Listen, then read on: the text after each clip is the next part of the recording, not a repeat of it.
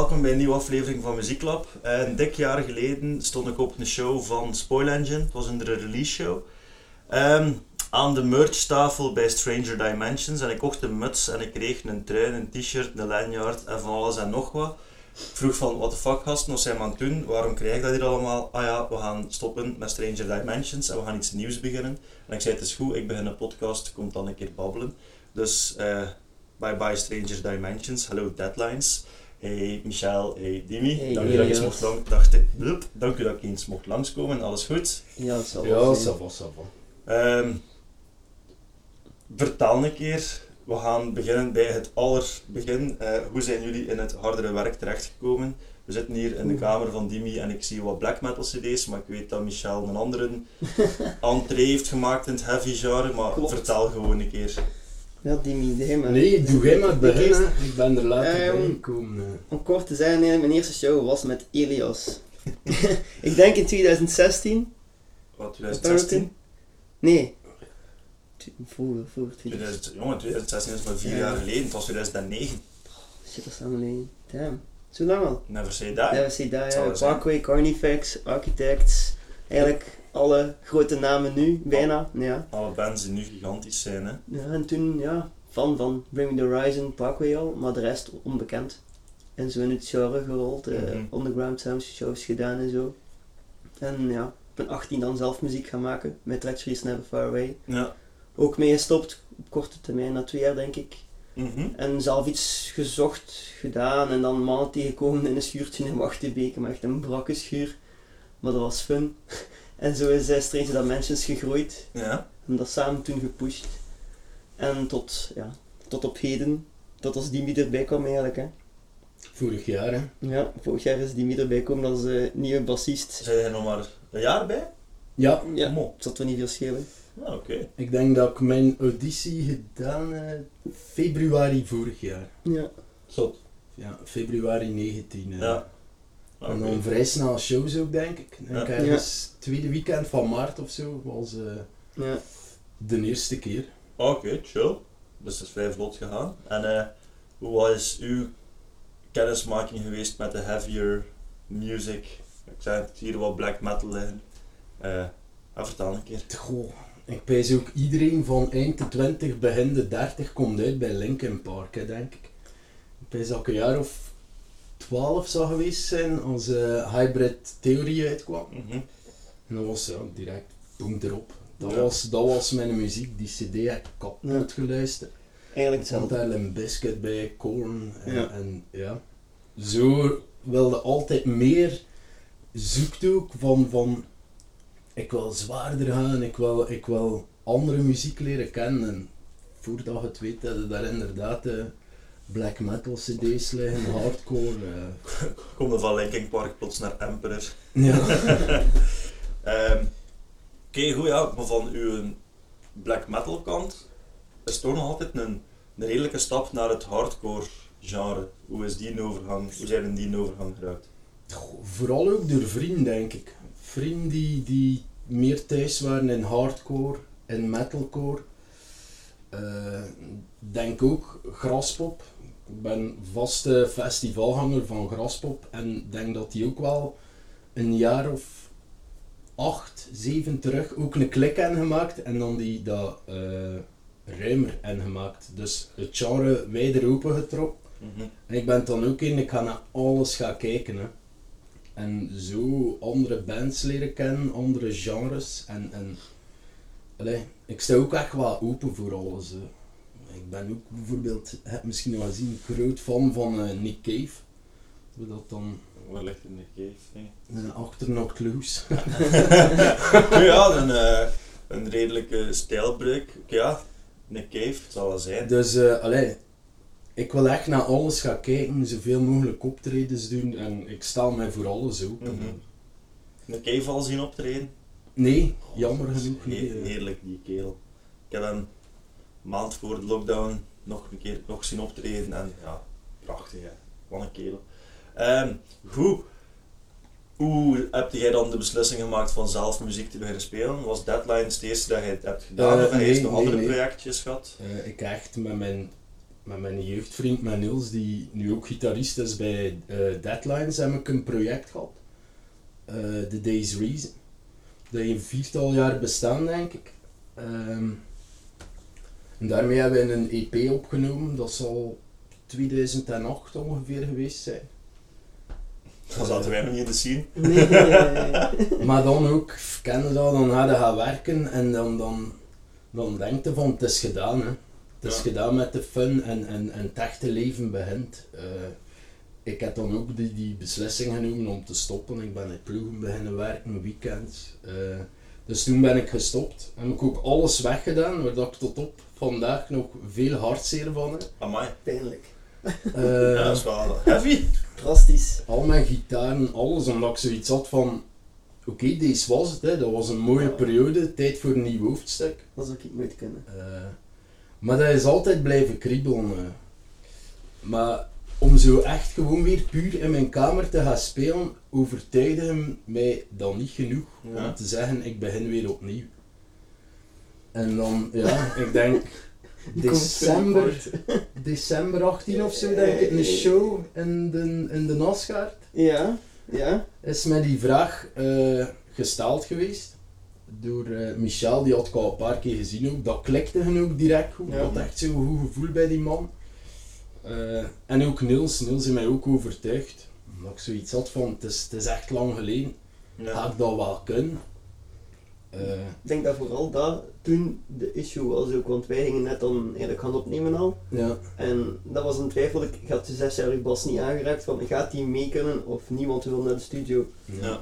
Maar toen hebben we toch gezegd van ja, we gaan het gewoon proberen, weten, Dimi ligt in de band en, en met de vrienden direct ook een klik. Dus hadden we zoiets van, ja weet je, we moeten dat gewoon proberen, we gaan die meepakken en ja, kijk, een jaar later is die eigenlijk volledig ingedraaid in de band en Oké, cool. eh, ja, heeft die shows meegespeeld, heeft die het proces van de opnames meegemaakt van de, de nieuwe EP die we hebben Ja, gereleased. dat Dus, was misschien de grootste les. eh, Ja. Want dat was wel bij de Days Reason was dat op een ander niveau, merk ik wel. eh. Ja. Dat was echt een grote stap voor mij. Ook, ook gewoon naar, naar, naar zelfvertrouwen toe. Hè. Van in een studio worden ook al uw tekortkomingen worden daar, ik weet niet hoe duidelijk, hè. dat is echt zo'n smijt in je gezicht. Mhm. En eh, Nou, natuurlijk, als het zes jaar geleden is dat je gespeeld hebt, kan het dan een keer gebeuren dat er wat dingen wat roestig zijn voor dus, maar ik zei ik heb daar ontzettend veel van geleerd en, en, en ik ben daar ook echt wel klaar voor nu, denk ik. eh. Mhm. Daarom vind ik het ook vrij wijs dat we, dat we van, van SD naar Deadlines zijn gegaan, omdat we nu, denk ik, echt een groep van vijf mensen hebben die op dezelfde Ja. golflengte zitten. Eh, en, en dat we opnieuw kunnen beginnen. Ja. En van waar eigenlijk die beslissing om van Stranger Dimensions er iets nieuws van te maken? oh, ja, Ja, Ik, ik denk vooral inderdaad, zoals Dimi al zei, de leden die echt nu... Nee, er was wel v- een dikke vriendschap binnen Stranger Dimensions, sowieso, daar ga ik niet aan te kennen of zo, maar wel niet van... Hey, ik ben iemand die daarin al heel mijn leven in pusht, want ik wil eigenlijk meer shows spelen en ik wil graag als, als, als Belgische band toch tonen van kijk, België heeft echt kwaliteit te bieden op metalcore vlak, dus ik wil dat ook pushen daarin. En dat is super moeilijk. En ik dacht van, oké, we hebben nu die naam Stranger Dimensions en ik voel qua niveau, qua spelen en qua schrijven is er nu een klik bij iedereen. En we trekken daar in één keer hele lat omhoog. Dus dat, ik had iets van, misschien moeten we ook denken aan een nieuwe naam. Ja. Maar waar halen we een nieuwe naam? Dus ik was iets van, ja, weet je, laat het zo. En dan met Dimi, ja, met een zatte eigenlijk. Oh, check videoclip Deadlines, maar Stranger Dimensions nooit checken. En wij tegen elkaar, Deadlines. Damn. Dat is eigenlijk wel een coole bandnaam.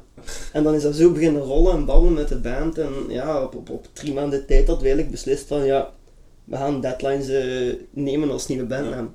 En, maar het is wel nog volledig dezelfde band. Of, Eh, ja, eigenlijk wel, want Dimi was eigenlijk eerst ook Stranger Dimensions. Ja, dus ja, eigenlijk ja. is alles dus hetzelfde, behalve dat we besloten hebben om echt de bandnaam gewoon te veranderen met dezelfde leden die dan toen ook Stranger Dimensions waren. ja, oké, cool. Ehm, en ja, als je de twee bands zou vergelijken, pakt qua sound, qua ingesteldheid, waar ligt het grote verschil tussen SD Motivatie. en?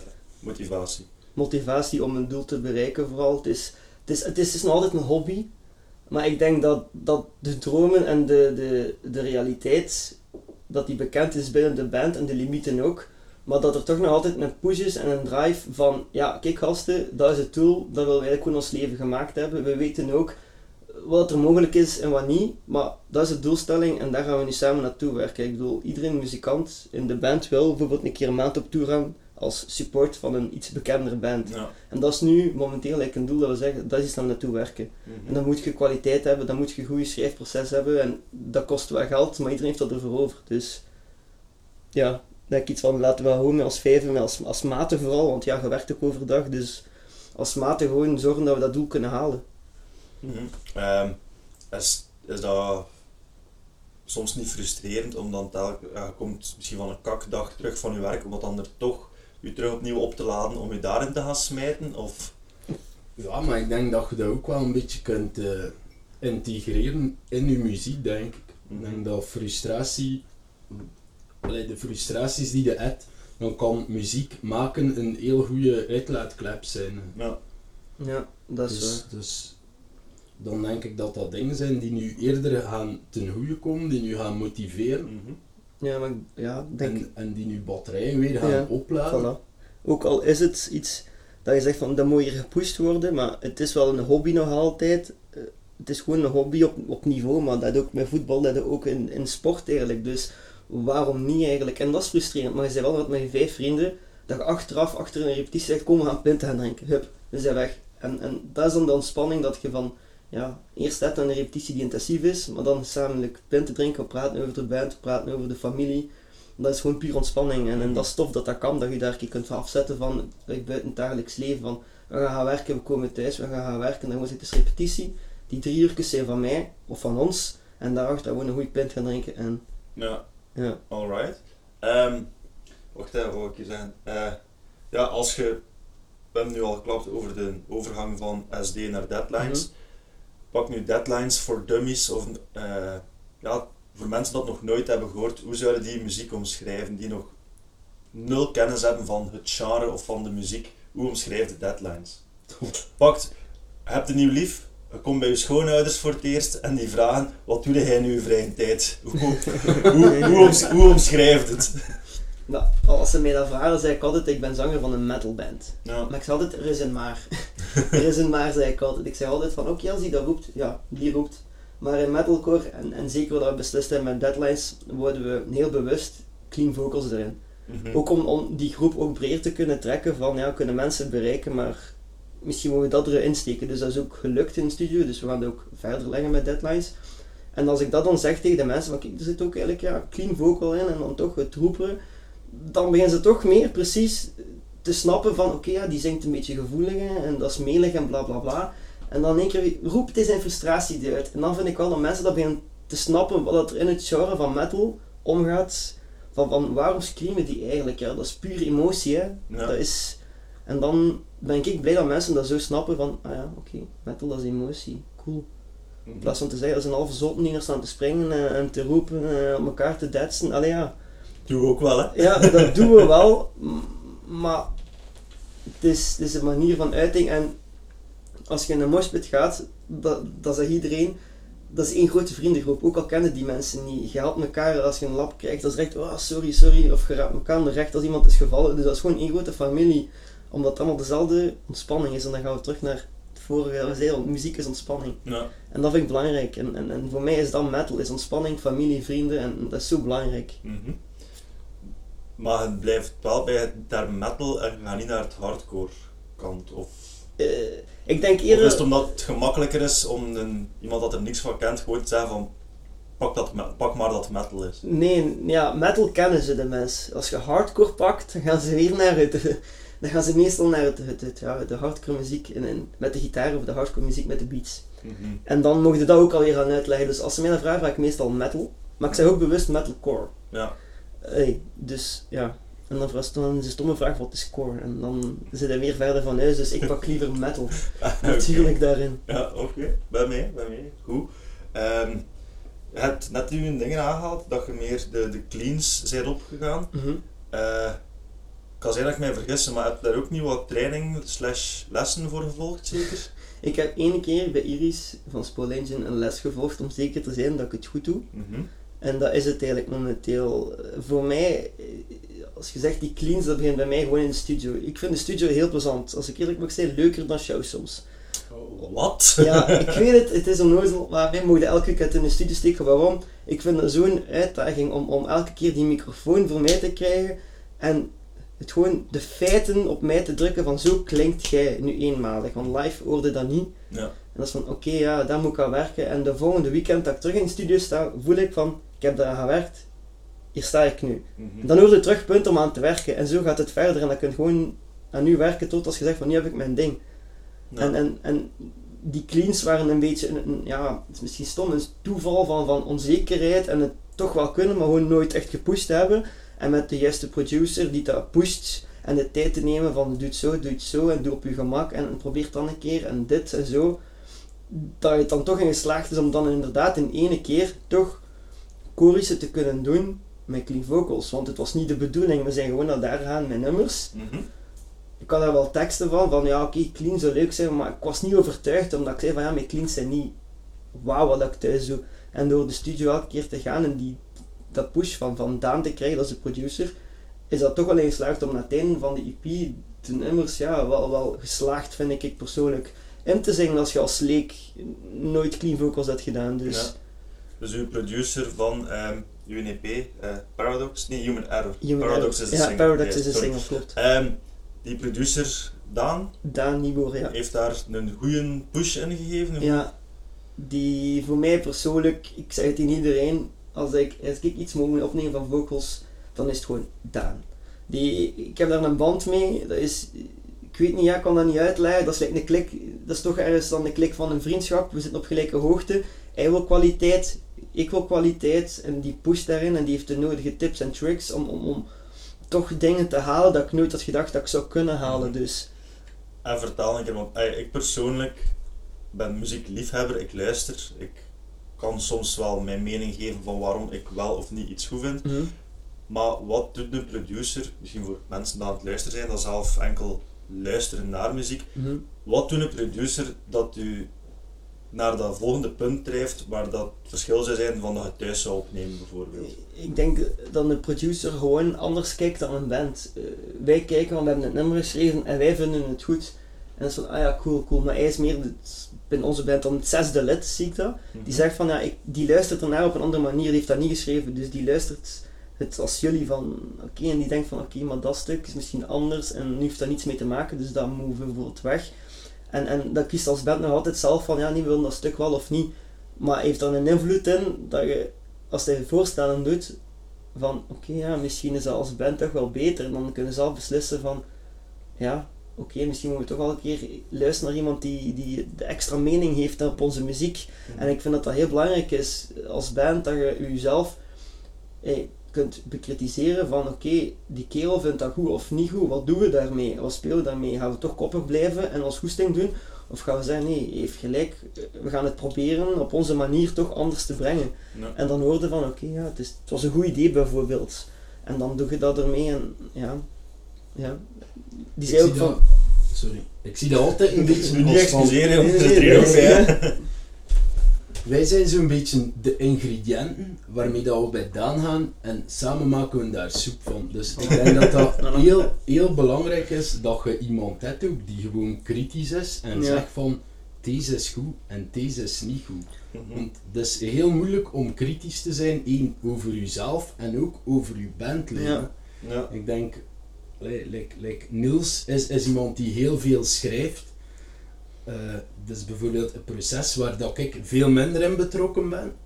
Het is moeilijk om, als ik moet zeggen wat dat gedaan hebt, is niet goed. Ja.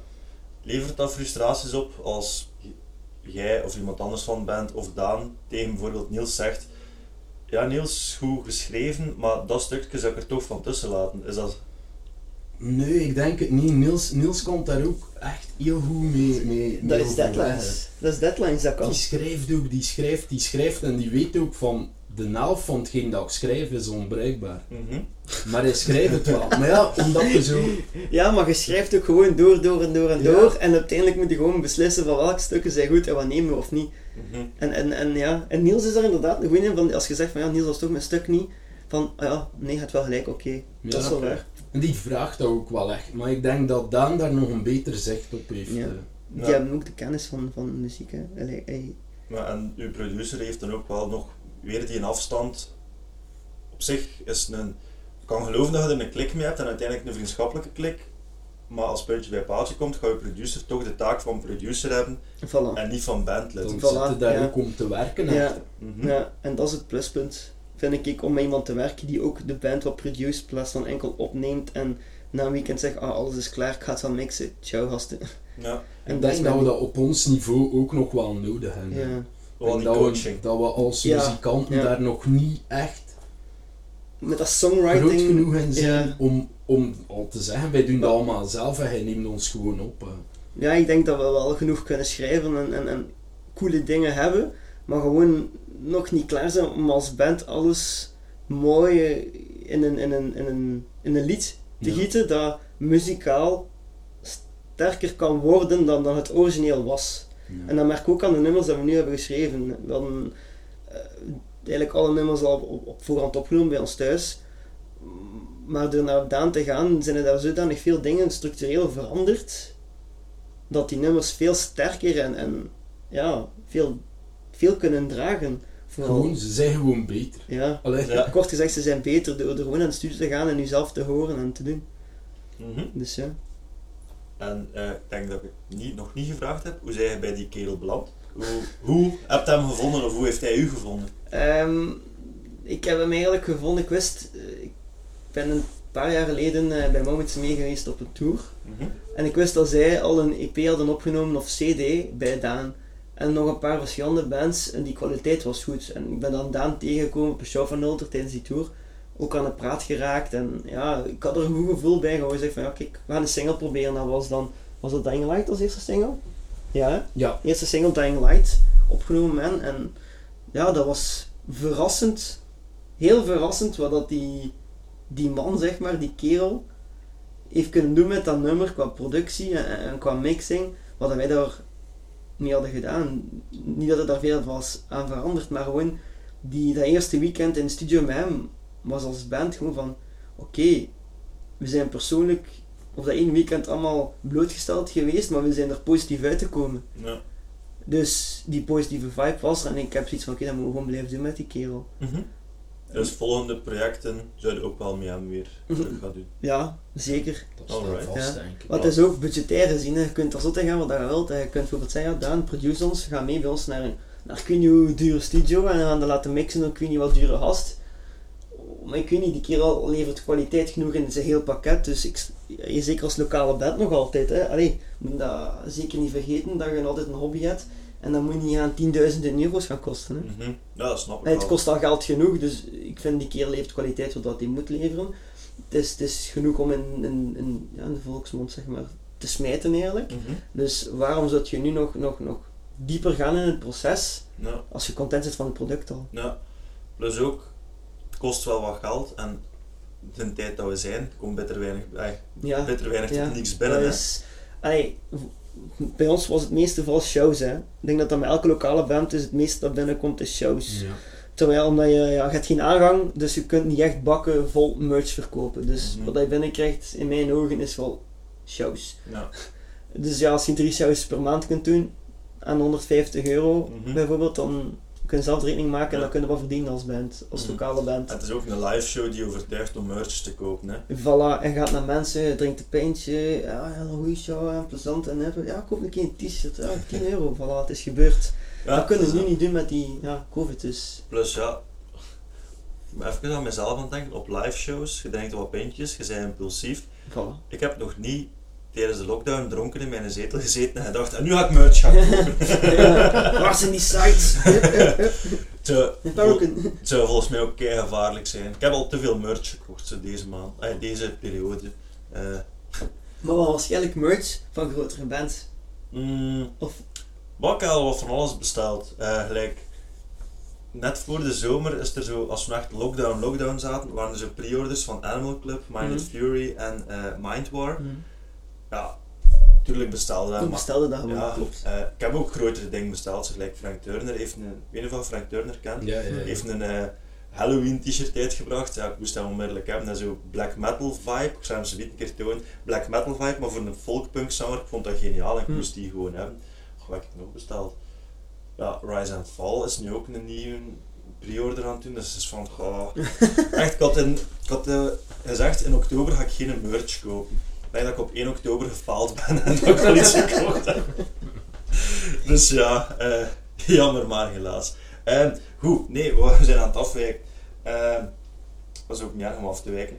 Ehm, de Human Error EP, we hebben het daarnet al gehad over motivatie als je veranderd bent van naam, dat de motivatie echt een grote factor was om er keihard voor te gaan. Mhm. Heb je geen... hoe zat dat met die motivatie om die plaat toch uit te brengen, ook al weet je... Op dit moment dat je ze hebt uitgebracht, kon je geen shows spelen. Nee. Ja, En dat is een zwaar punt geweest met ja, de mensen die, die vooral in de band werken naar, naar het uitbrengen van muziek en promotie en dergelijke van hoe gaan we dat nu doen? Mhm. Vooral die hoe van oké, je hebt dan je social media, dat ik persoonlijk toen belangrijk vond. Maar als je weet dat als je sales doet, Daar wil ik op terugkomen straks, dat je toen zegt. Maar goed, toen, dat, dat sales, dat je dat eigenlijk face-to-face moet doen. Dat dat nog altijd de beste manier is om dingen verkocht te krijgen en je voor te stellen. Dat is nu de afgelopen weken meer doordrongen bij mij, dus ik vind nu iets, oké, we hebben nu dat uitgebracht. Wat dan een heel discussiepunt is geweest van wachten we of wachten we niet, want was dat heel... En je hebt veel mensen met, eh, gebabbeld ook, eh, was jullie meningen, het was verdeeld eigenlijk, van ja, release maar, want het is online en je kunt altijd mailen en zo verder, oké ja. Dan was iemand die zei, ja, wacht tot volgend jaar, hè, als, als de festivals terug vrij zijn, kleine shows. We hadden iets van, oké, ofwel trekt de hele lijn door en is het saai, Mhm. of zelfs releasen we nu toch die muziek en dan schrijven we gewoon verder, want we hebben de muziek en binnen een jaar en een half of maximum twee jaar hopen we toch dat al die miserie gepasseerd is. Ja. Wat dat we niet weten, maar dat we wel hopen. Dus Mhm. dan hebben we iets van, oké, is er released. We hebben eindelijk iets onder deadlines. En dat was het belangrijkste, denk ik, van veel leden. En ook een frustratie van, deadlines heeft geen muziek. Ja. We zitten met een Facebookpagina met verschillende profielen die muziek hebben onder Strange Dimensions. Dus dat is van, oké, die moet inderdaad wel gereleased worden, maar wanneer? Mhm. En dan hebben we toch beslist om in september, wanneer dat we alles klaar hadden van videoclips en zo ook, gewoon te zijn van, dan is het, dan gaan we hem uitbrengen. Ja. Plus ook de beslissing van wel of niet releasen. Ik vond dat een vrij goeie. Ik weet niet of je Helgium hebt gezien. Ja. Ja. was het op een bepaald moment in een interview, ik weet niet meer welke band dat was, ik denk Carnation, want die ging, of Bear, want die hebben ook net gereleased, dat ze zeiden van, ehm, je kunt blijven wachten, en als je wacht tot het moment dat het terug mag van shows, gaat er een shitload Ja, aan dingen uitkomen, en gaat het gewoon niet meer weten van naar wat eerst te luisteren. Ja. En ze maakten een vergelijking met films, van alles wordt nu uitgesteld, waar dan een eh, Mulan gelijk, gaat niet meer in de cinema komen, gaat van eerst keer op Disney Plus staan. Want als ze blijven uitstellen en ze gaan alles tegelijk in de cinemazalen doen, Ja. naar wat moeten eerst gaan kijken en met wat moeten beginnen. Dus ik denk dat het wel een verstandige keuze is om dat toch uit te brengen en, like dat gezegd, verder te schrijven. Je hebt nu een EP, voor hetzelfde geld tegen dan nog een EP, dan we Voilà. wel een full show spelen ook, hè? Maar denk ik, ik. denk ook voor ons nu dat het belangrijk is dat we met de, wat dat we nu hebben, ook al online, dat is niet, ey, online is niet echt, maar ook al, ey, het is zodanig gepumpt alles, dat elke band een beetje budget heeft, veel likes, veel views en bla bla bla heeft, terwijl ze kunnen uitpakken bijvoorbeeld labels die bands kunnen financieren of, of, of ja, helpen in promotie Mhm. dat dat voor ons wel iets is dat we nu hebben, want het is eigenlijk muziek onder deadlines. We kunnen mailen naar zulke mensen van kijk, ons helpen in de toekomst? We zijn nieuwe muziek aan het schrijven Mhm. en we hopen in 2022 zeker een show te kunnen, een goede show te kunnen doen. Ja. En dan heb je zekerheid dat je ook betere kwaliteit kunt gaan leveren. Want dan is je budget ruimer, kun je promo doen en, Mhm. en promo op alle manieren. Hè. Online, eh, en dan in fysiek en Mhm. en ja, in grote lijnen dan. Ik denk dat dat gewoon het belangrijkste dat we nu hebben gedaan, is inderdaad die IP toch uitgebracht te hebben en nu gewoon focussen op nieuwe muziek, maar vooral ook focussen van live. Mhm. Doen we nu eigenlijk, eh, tijdens de repetities gewoon zorgen van oké, we waren als Trace Dimensions zo'n band, we vonden persoonlijk de muziek wel tof en we zagen ook aan de mensen dat de muziek ook tof was. Maar we merkten ook dat we toch bepaalde punten hadden dat we moesten naar werken en nu hebben we eigenlijk de tijd Dus beneden niemand lawaai aan het maken, is. Sorry. Ja, tenminste de tijd om, om live onszelf ook op een hoger niveau te kunnen pushen. Tijdens de repetitie van oké, ja, eigenlijk de nieuwe muziek, die cleans, ze zit nog niet voor in mijn ogen wat dat moet zijn, live. Om dat toch wel te kunnen pushen naar, naar wanneer dat we kunnen, een punt van ja, nu zijn we klaar voor live shows. En dat gewoon direct boom is. En niet zo van, Mhm. ah, het was half en half. Ja, ik ben er ook wel van overtuigd dat eender welk project, is nu Deadlines, is nu eender welk een andere band dat aan het schrijven is, op het moment dat die eerste show gaat mogen komen, gaat dat er sowieso boomkop zijn, want iedereen heeft dat Ja, goesting ja, om, er- keihard voor ja. te gaan. Dus ik denk wel dat ze, hoe, Hm, hoe dat het draait of keert, dat keihard gaat gaan. Keihard, dat is wel waar. Sowieso. Kom maar, kom maar. Maar door die corona kunnen ze wel een beetje uw motivatie verliezen. Mhm. En daarom is het wel belangrijk dat we onszelf ook blijven pushen van oké, er zijn nu geen shows, maar die gaan wel komen. Dus Ja. beter dat we voorbereid zijn, hoe makkelijker dat Ja, die show voilà. ook voor ons wordt. Ja, ja, ja. En stel niet dat die nieuwe nummers toch gewoon, lijkt mij, die worden letterlijk aframmen worden omdat je ze zodanig zijn ingespeeld. Mhm. En dan heb je terug nieuwe muziek om te brengen. Dus je terug van, ah ja, terug, terug een uitdaging. En dan zijn je bezig aan die live shows. Dan je Ja. terug een uitdaging voor nieuwe muziek in de studio doen en je eigen weer ja, op een ander niveau te brengen. Dus dat is het, hey, het punt van dat wij misschien wel het geluk hebben dat we juist op dat moment iets hebben kunnen brengen. Mhm. Maar het gaat ook geen vijf jaar moeten duren, die, die, corona natuurlijk. Ja, want, ja dat, dat- weet je niet. En, en Ja, dat weet je niet. dat weet je niet. En dan kun je wel zeggen volgend jaar, volgend jaar, maar niemand weet wat er gaat gebeuren. Dus het is Mhm. moeilijk, maar je moet wel doelstellingen voor ogen houden. Dat Ja. is, dus op elk vlak, op bandvlak, op mensen met, met een eigen onderneming, op, op alle vlakken. Mhm. Dat zij hopen dat volgend jaar beter is. Dus Iedereen hoopt dat morgen beter is voilà. natuurlijk. Hè. Eh, de EP zelf, waar we het nu al even over gehad hebben, muzikaal, naar wat heb je geluisterd? Wat zijn zo invloeden geweest? Waar klinkt het naar? Weer voor mensen dat niet... dat vind ik eigenlijk wel nog grappig.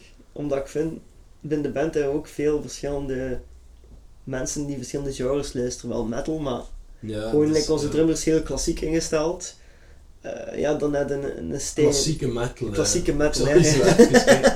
Maar zo, ja, zo, like, ik denk dat Dream Dream Theater Theater, ja. is een van zijn lievelingsbands. Maar dat is ook wel niet meer klassiek is zo heel, heel dat progressief, Ja, Ja. ja, ja. ja. heel technisch. Ja, Ja. klopt. Maar hij is, ook, hij is zo echt wel de, de, de metalhead, eh, denk ik. Ja.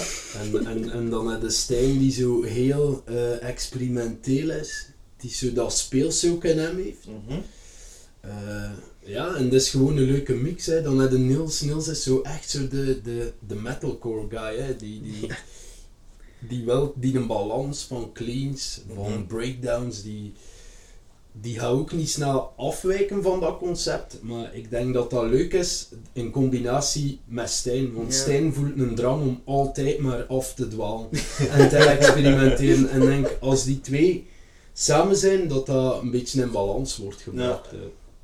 En dat merkte ook wel aan onze, eh, aan onze EP, vind. Mhm. Dus ja, Ook, eh, Dream Theater, metalcore bands als Architects kunnen er misschien wel wat tussen, of nee? Nee, ik vind, ik vind, ik dat moeilijk een grote omdat... naam is, Ik, ik, ik, ik, nee, ik had me daarvoor in het begin ook al gezegd, als ik je de demo's liet horen, ik weet dat nog. Ik vind Architects niet echt, qua sound, qua schrijfstijl, wat dat we hebben gedaan of zo. Ja. Of totaal niet bewust dan. Mhm. Ik denk dat dat dan de mening was van, van, van misschien van u, van, van de lead-gitaar die erop staat voor bepaalde stukken. Ja. Eh, maar voor de rest, like, ik zat toen in, in, in een beetje de Alpha Wolf fase, die aan het opkomen was in de dealer fase. Eh, dus dat was gewoon kloppen en smijten. Mhm. Dat vond ik wel tof. Maar dan ook de Polaris fase, met de cleans ertussen. Ja. Eh, voor mij, hè. En, en, ja, en, en dan ook de tuning die is veranderd, hè, die drastisch is veranderd eigenlijk. Van, van C zijn we naar G kruis gegaan. En de EP is daar ook volledig in geschreven. Dat weet zo, ja, ja, G kruis, we moeten lager, we willen, we willen een andere sound creëren. En dan gewoon op één dag beslist ook wel, G kruis, ja, dat klinkt cool. En dat was ook in de studio gebeurd, dus hebben we alle nummers ook moeten omvormen naar, naar die tuning. Maar dat lag ons ook. Ja. Dus echt specifiek van, oh, ik wil als die band, als die band klinken, of we gaan die kant op gaan. Dat hebben we totaal niet gedaan. hè. We hebben gewoon muziek gemaakt, we zijn naar de studio gegaan en dat is er gewoon uitgekomen Ja, eigenlijk. ja, ja. Oké, cool.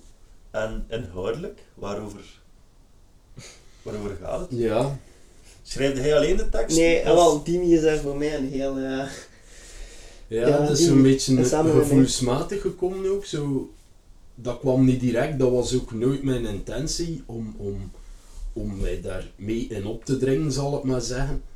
Maar ik was altijd wel fan van de manier waarop dat, eh, waarop dat de Michel schreef, maar ik vond zo altijd te veel een boodschap willen overbrengen. Ik weet voor mij persoonlijk, dat werkt niet altijd. Mhm.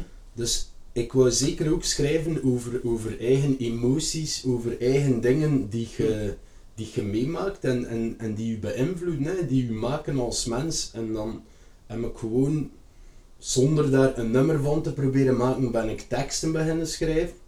En hebben die gewoon verrassend goed kunnen... eh, Verwerken en, en Kunnen verwerken in de muziek, zeg eh. maar. Ja. Nice. Dat was dan eerder mijn taak in bepaalde nummers. Hè. en dat vind ik wel tof ook. eh. Want ik had inderdaad meer zo de, de, de hardcore van oh, ik wil iets zeggen en weet je, fuck you, ik ga het ook gewoon zeggen. In your face. Ja, Maar dan weet je ook, als je met deadlines verder wilt bereiken, dat je dat een beetje naar stuur moet leggen. Ja. En dan is dat ook gebeurd, want ik vond dat ook onduur, onduur saai. Ik kan maar over één ding iets schrijven en ik was eens van oké, dat is eigenlijk niet tof als ik hier een hele reeks IP ga opnemen, eigenlijk hetzelfde verhaal. Mhm. Dus en dan kwam ik en Dimi samen van, hé ja, dat is wel cool die tekst. Ja, kom, we gaan er iets van proberen maken. En dat is redelijk goed gelukt. Dus momenteel is de combinatie Dimi en Michel wel de manier waarop dat we teksten schrijven. En qua gevoelsmatigheid, qua ja. persoonlijkheid ligt allemaal op één lijn. Dus dat is wel.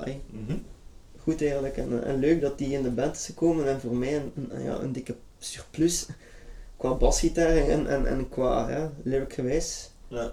Dus ja, dank u Dimi. Oh, Nee, ja. a love story. Ja.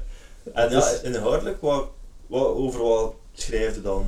Van waaruit start het? Goh, ik denk dat zo, like, eh, eh, Paradox heb ik geschreven en dat was eigenlijk een fase waarbij dat ik zo veel twijfels had, dat mij ik was slecht voelde ook. Mhm.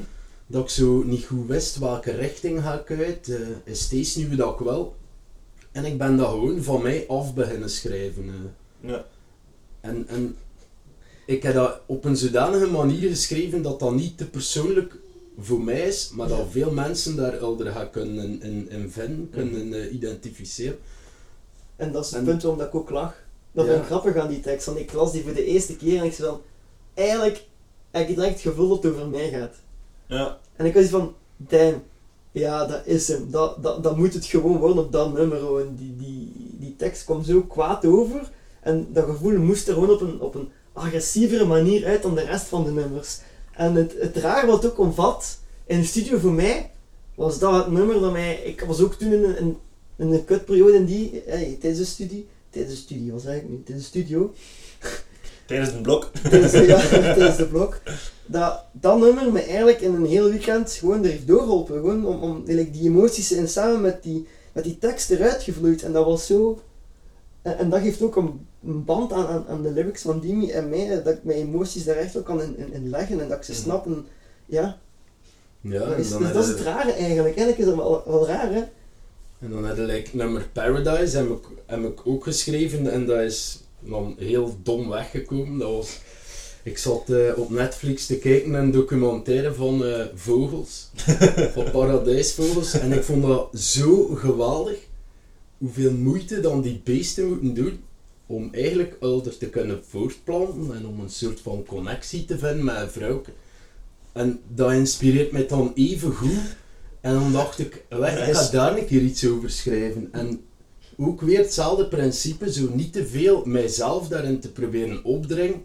Maar Zo'n algemene tekst schrijven, zo, maar echt heel positief. Zo eigenlijk Ja. tegenovergestelde van, eh, van eh, Paradox. Maar ik kan wel geloven dat dat, als je vanuit jezelf start, dat dat eigenlijk best wel nog moeilijk is om het algemener te, of om het breder te trekken. Dat was de fout dat ik had met teksten. Ja. Vond ik persoonlijk van... Ik schrijf mijn gevoelens op en c'est ça. Mhm. ik wou dat wel zo wat verpakken, zeg maar, dat iedereen zo wat van, ah, ik snap het. Mhm. M- maar daar buiten gaan was wel voor mij heel moeilijk. Ja. En daar ben ik ook blij dat ik daar ook heb kunnen doorheen groeien, door, door Dimitri, door er veel samen mee te zitten en veel over te babbelen. Mhm. Vooral, teksten is gewoon eigenlijk, ja, Ja, psychologisch babbelen met elkaar. ja, het is dat. Hetzelfde ook dan Fugitive is een nummer dat we echt samen gedaan hebben. Dus, eh, dat, dat is het mooiste voorbeeld. Ja. Ja, dus, dus dat was ook iets waarmee dat ik begonnen ben, maar dat was totaal niet goed. Ik denk dat dat mijn eerste tekst was, maar dat was ook ja, een beetje die onervarenheid en, en, en Wel zoeken. Ja, dat, daar heeft dan Michel echt, is dat, dat nummer is af voor mij, dat zijn ook echt ideeën waar dat ik achter sta. Hm. Dat was die periode ook eh, van, eh, van de bootvluchtelingen en, en allee, dat is toch wel een problematiek waar, waarover dat iedereen heeft daar een mening over. ja. Ja. dat is echt een mooie tekst. En dan denk ik dat wij met ons vijf daar dezelfde mening over hebben. En dan vind ik dat goed om met ons vijf ook ons mening naar de mensen Uit te brengen. Ja. Ja. Dat is belangrijk als punt.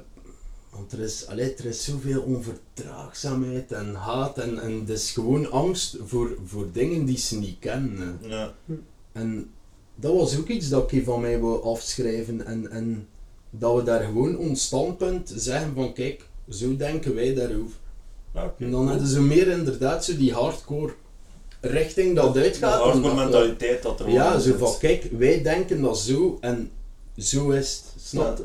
Dat, is iets dat erin gaat blijven zitten, denk ik. Dat is iets, ik, ik, ja, ik heb ook veel in, de Belgische hardcore scene gezeten en ik ben er ook volledig mee akkoord hoe dat die draait en hoe dat die denkt.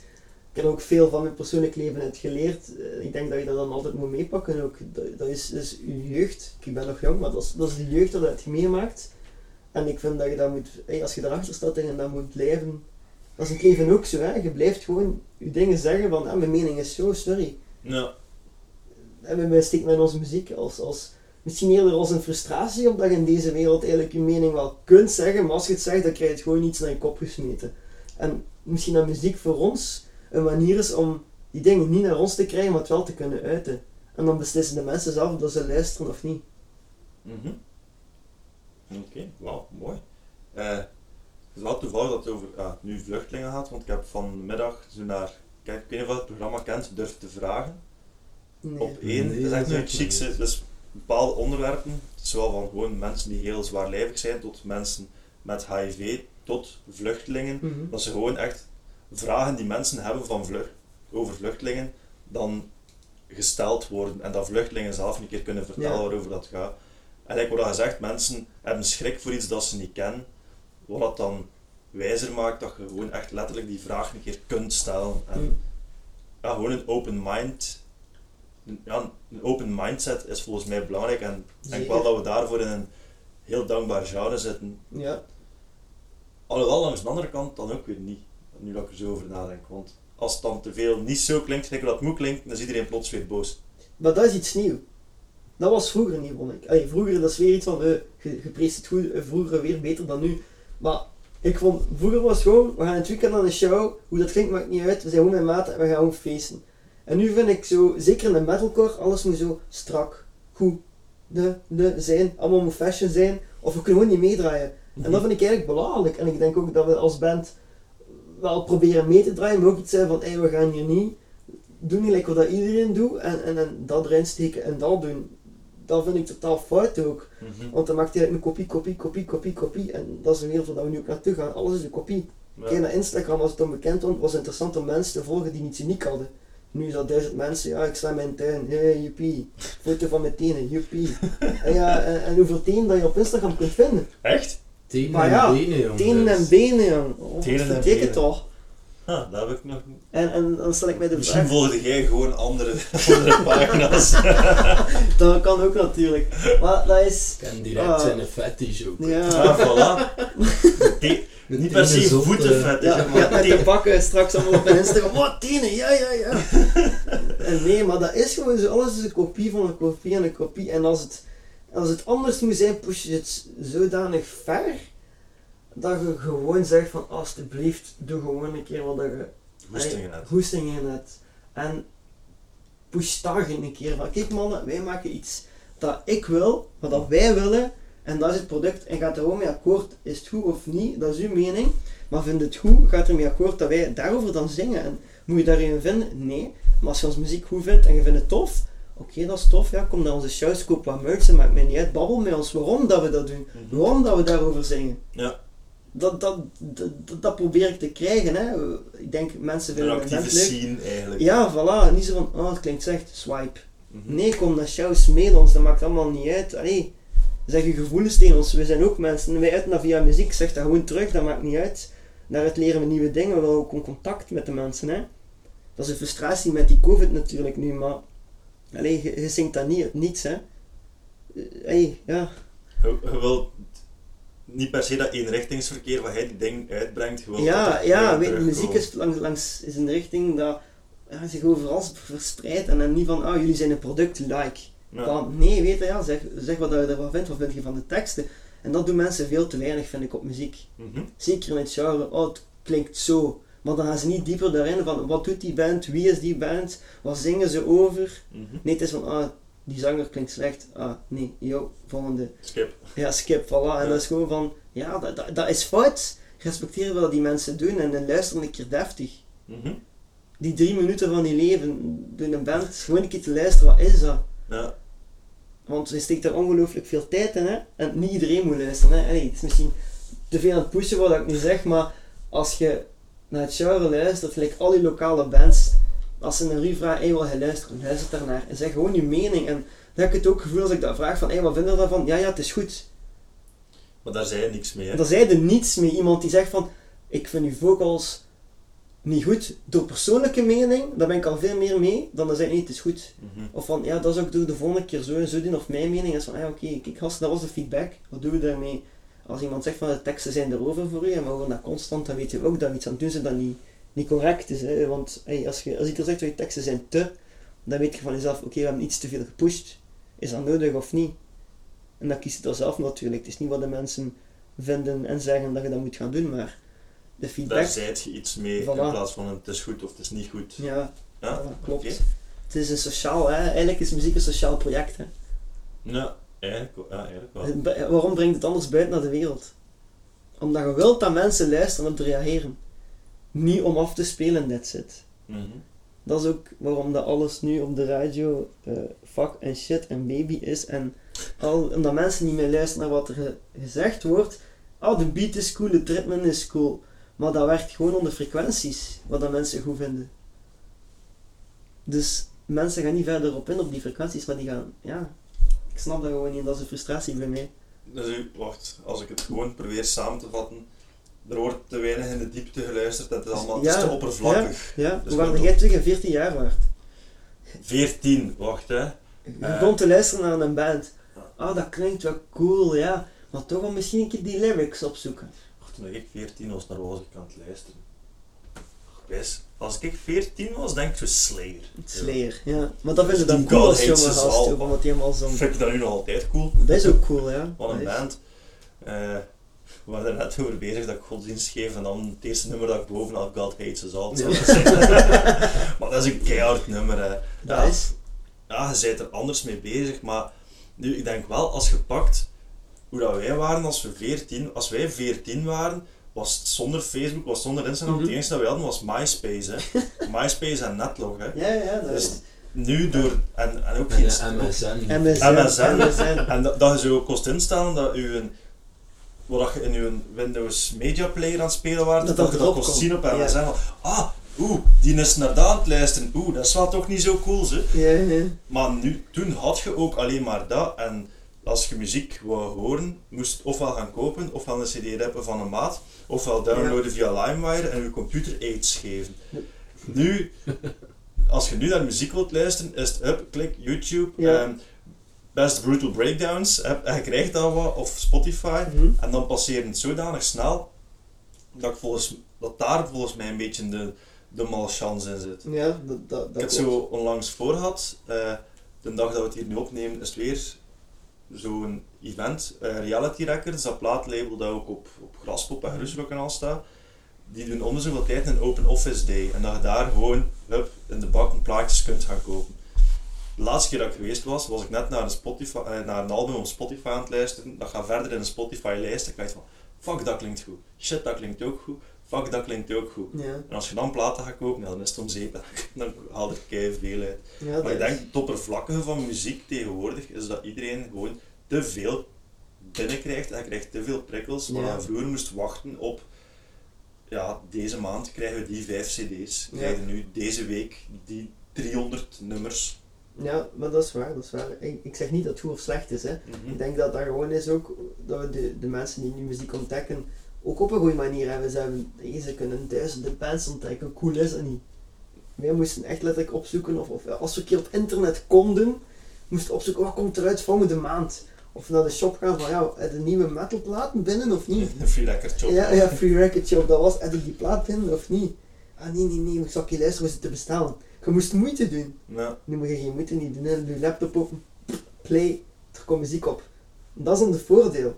Mhm. Als je dan geld hebt en je smijt daar promo in, ga jij degene zijn die als eerste als ze play duwen erop komt. Mhm. Het mooiste voorbeeld, sorry dat ik hier dan even nog tussen kom, is van Jared Dines, van de blogger op YouTube, die ons nummer van Stage Dimension heeft gedeeld. Is Die ja, die heeft ons zo Ja, van goed. 10 onno local bands of zoiets Ja. gedeeld. Stond helemaal op het einde van zijn filmpje, maar toch, dat filmpje is, is 20. Ja, die impact Ja, die impact gewoon, die is enorm. En dan merkte van, kijk, als je gewoon geluk hebt of het budget hebt om online te kunnen pushen, Mhm. ja, dan haalde je wel wat binnen en heb je wat bekendheid. Want ja, we hebben nu ook eh, ons eerste pakket naar Amerika verzonden. Dan heb je daar ook wat fans en die zei ook van, ik heb jullie gevonden via die kerel. Ja. Dus dan besefte je van, oké, kijk, je moet ook wel... Influencers Ja. eigenlijk, hè. Wat, wat dat kan doen, zo één iemand die zoveel ja, bekijkers Ja, ik denk heeft. dat hij een half miljoen volgers of Ja. zo. Dat En dat kon je dan vroeger weer niet. Vroeger moest ik echt lokaal beginnen en, en zo, hup, hup, hup, je, je boel opwerken. Dus Nou, Jared Dines doet hij nog veel, want hij, ik heb die ontdekt, denk ik zoals iedereen met zijn 10 metal styles, hij zo allemaal Ja, het ja, ja.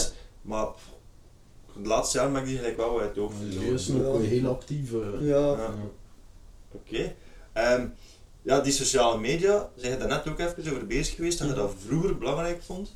Ja. Ik heb het ook wel gemerkt, naar, eh, zo net voordat je clip uitkwam, dat je zo wat teasertjes, we zullen het straks over die clip uiteraard ook hebben, eh, dat je eerst zo wat teasertjes aan het doen waren, die echt wel heel zo snelle beelden achter elkaar, dat was echt wel chic. Vinden het beslist van de echt minder te gaan focussen op die sociale media? Ja. Direct ja. Ja. ja. We hebben dat uitgebracht en we hebben nog, nog een shitload aan foto's en filmpjes. Maar ik heb zoiets van, oké, wat de tijd dat ik daarin steek, dat is immens. Mhm. Is het de 200 views waard voor de tijd dat ik erin steek? ja. Op die manier zeg ik ja. Maar nu zeg ik toch wel eerder nee. Omdat ik vind van, is ons product klaar live?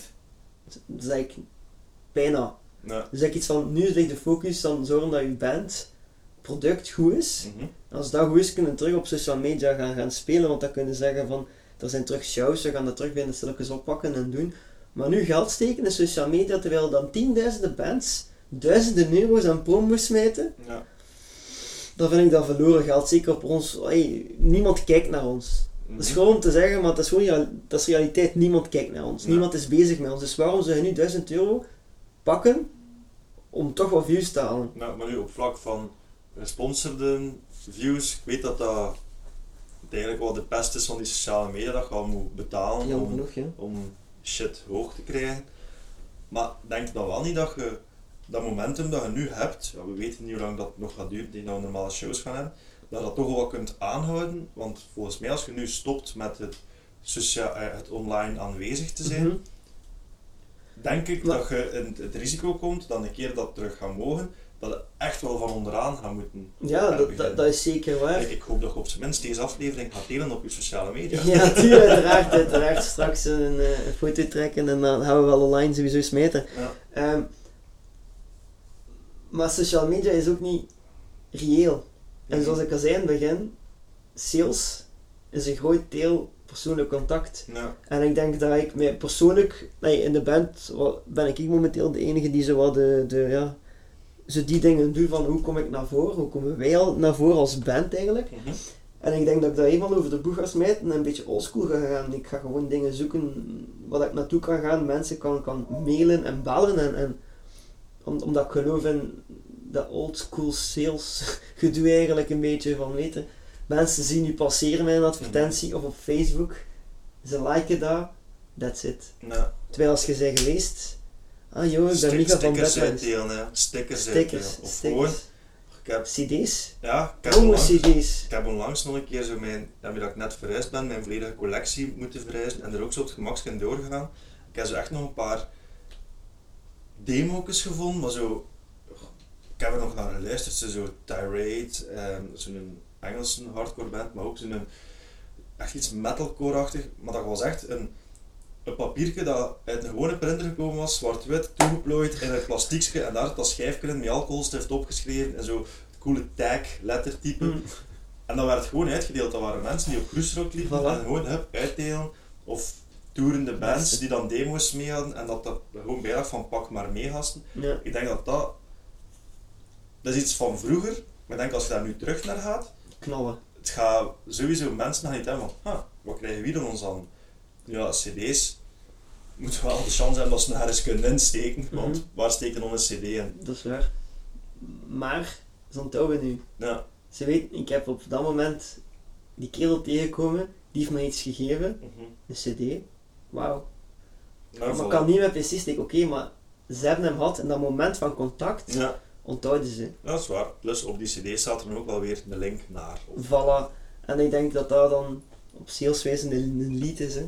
ja. Wij kunnen naartoe gaan. En, en ik denk ook als lokale band, je moet enorm veel tijd steken en je moet op boksen tegen grotere bands die eigenlijk ook willen uitsteken momenteel, wat dat normaal is hè, in deze periode online, en dat dat een beetje ja, een, een, een wierwaar is van, van data door elkaar en dat je gewoon elkaar doodsteekt eigenlijk Ja. daarmee. Ik ben ook overtuigd dat, Ah, je zit hier ook nog. ja, dat kwaliteit ook gewoon nog altijd het belangrijkste is. Ja. Sociale media heeft daar inderdaad zijn plaats mee ingenomen en is belangrijk. Ik denk als je kwaliteit brengt en blijft brengen, dat je op een of andere manier wel boven water gaat komen. Ja. En dat je wel bepaalde dromen gaat kunnen, kunnen waarmaken. Mhm. Dat we niet de volgende Parkway Drive gaan worden, daar ben ik van overtuigd. Maar ik denk wel met hetgeen dat we nu doen, als we dat blijven doen, dat we wel ergens gaan komen. Ja. En dat we wel eh, bepaalde dingen gaan kunnen afvinken op, op onze bucketlist. Nou, wel op zich. Het was nog Stranger Dimensions, want, want ja, heel veel deadline shows zijn er niet kunnen komen natuurlijk. Ehm, maar daar in Drax in Roeselare met Spoil Engine, dat was wel een grote zaal. hè. Ja, dat was... was- Zalen. Dat was niet meer, dat, dat was niet meer, en geen slecht woord erover, dat is, dat is ook heel geestig, niet meer jeugdhuis magergoed hè, Nee, nee, dat nee, erin nee. staat. Ey, Veel van geleerd ook van die show daardoor. je hebt ook echt, hebt echt wel een. Daar was het wel duidelijk dat je die stap naar dat grotere podium, dat dat wel mogelijk is. En ook wel cool dat een band als Spoil Engine zegt van hup, we pakken die er ook wel mee. Ja, wij zijn in daar dat echt verhaal. eh, dankbaar Ja, voor. dat is... Buiten die show hadden we ook nog de show in, eh, in Brugge. Ja, mijn novel... Van, van Sea Novelist. Shepherd uit, Ja, ja. klopt. Daar ook met Novelist, die, een band die wij eigenlijk toch wel allemaal ook volgen en, en waar dat wij naar opkijken, een Franse band. Eh, en dan krijgen we in één keer nieuws, eh je mocht daarmee samenspelen. Ja. Dat was half één s'nachts, ik heb direct naar Nils gebeld. We hebben een half uur zitten, eh, zitten gewoon content zijn en wow, ik kan het niet geloven en dit en dat. Ja. Gewoon, dus eh, ja. Ja, ze weten nooit wat er uit de bus valt, hè. Je kunt, nee. dat is motivatie, hè. Mhm. Als je zo een show krijgt dat je dat kunt doen, dan krijgt die telefoon van ja, kijk, eh, toch wilde komen invallen. Ja, te. Ja, en natuurlijk omdat je dan nog altijd de lijn trekt van het is een hobby en je wilt gewoon spelen en knallen. En als je dat kunt doen met de band, zodat je al jaren naar luistert, dan is dat gewoon van. Dat is een beetje. Hè. Dat, dat, ik denk wel dat dat een heel voldoeninggevend moment is. Ja, van, ja. Oké, we zijn daar toch op een radar verschenen, ze hebben ons toch wel gevonden. Ja, daarvoor duurt het ook. Wij hebben daar dan ook die bassist eh, en met die zanger zijn wij wel blijven hangen ook. Eh, die hebben dan denk ik drie weken later of zo in Antwerpen gespeeld. Dan hebben we gezegd van, wij gaan daar zijn. Mhm. Dan zijn ik en Michel geweest. Die hebben ons mee backstage gepakt. Ja, wij hebben zitten tuurlijk. drinken, roken. Hij snapte, dus je blijft wel lang bij die gasten. En ik Ja. denk, wel, denk wel dat dat belangrijk is. eh. Ja, cool. Die zijn goed bevriend ook met Landmarks, ook wel een band naar waar dat wij opkijken, qua sound, qua, qua Mhm. performance, alles. Eh, dus, allee, zo, ik ga niet zeggen dat dat eh, een garantie is, dat je daarmee in contact gaat geraken, maar de drempel is veel lager. natuurlijk.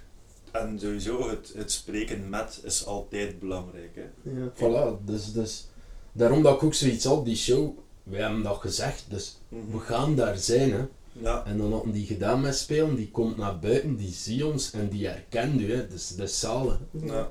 En dan is zo, ja, wij gaan hier niet in de regen staan. Komen we weer nee, backstage en we hebben daar een afdaksken. En ja, oké, Ah, zal ja, ja, cool. Ja, cool. Eh wacht hè. Ha, een beetje afgeweken, heerlijk.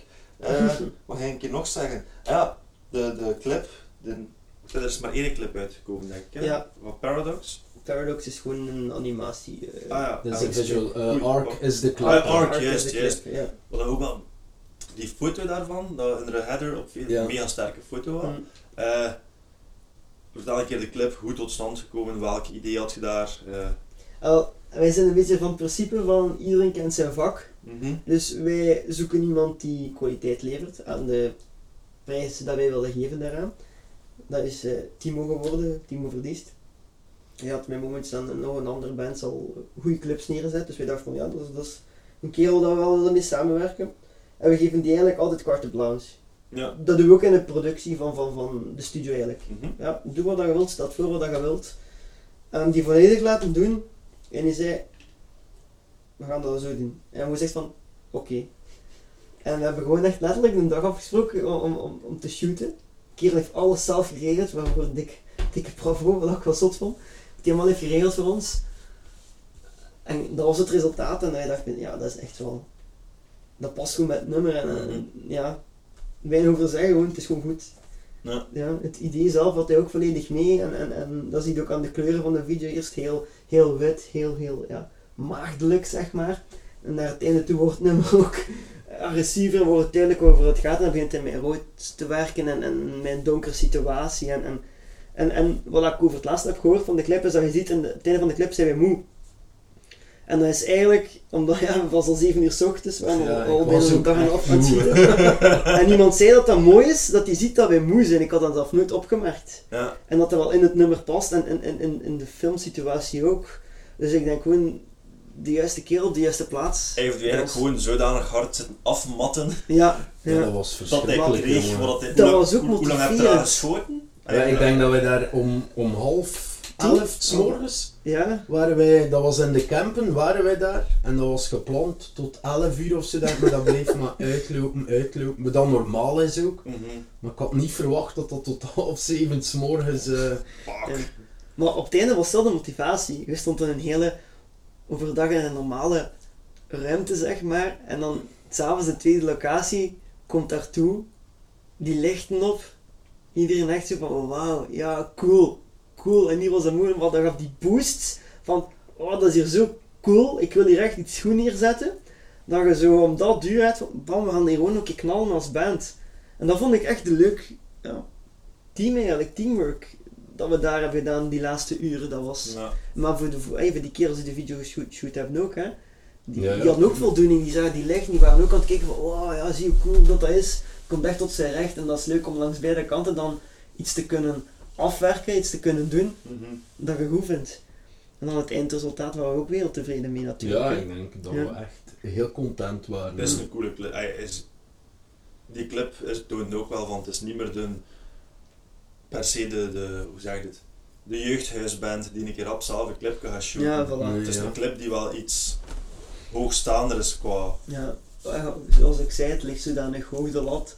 Mhm. En als je een beetje wilt opvallen, moet je toch wel een beetje in, in, in een bepaalde range kunnen liggen. En dat proberen we wel laten werken. We proberen ook bewust niet, niet te hoog te gaan. Omdat ik vind dat je moet nog altijd weten hoe ver dat je zelf als band staat en daarin eigenlijk alles rondom kunnen afwerken. Ja. En je moet ook zien, vind ik, dat de volgende keer nog beter is. Voilà. Dus Ja, je moet dat is altijd ruimte laten voor progressie, dat Ja. nog altijd... Maar ik denk ook als je te veel wilt, dat dat ook opvalt. Dat geforceerd overkomt. Ja, en vooral naar live shows dan. Dan ga je gaan kijken, en dan gaat er staan. Wauw, nee, toch niet. En, en dat willen we nu wel goed doen. We willen ook van wat de verwachtingen zijn van, van de EP en van de clip. Dat we ook zeker live kunnen evenaren. Ja. Ja, ik snap wat je bedoelt, want zonder namen te noemen, ook al bands gezien die een EP of een CD gereleased hebben en puur om naar te luisteren, zot werk, prachtig, mega chic.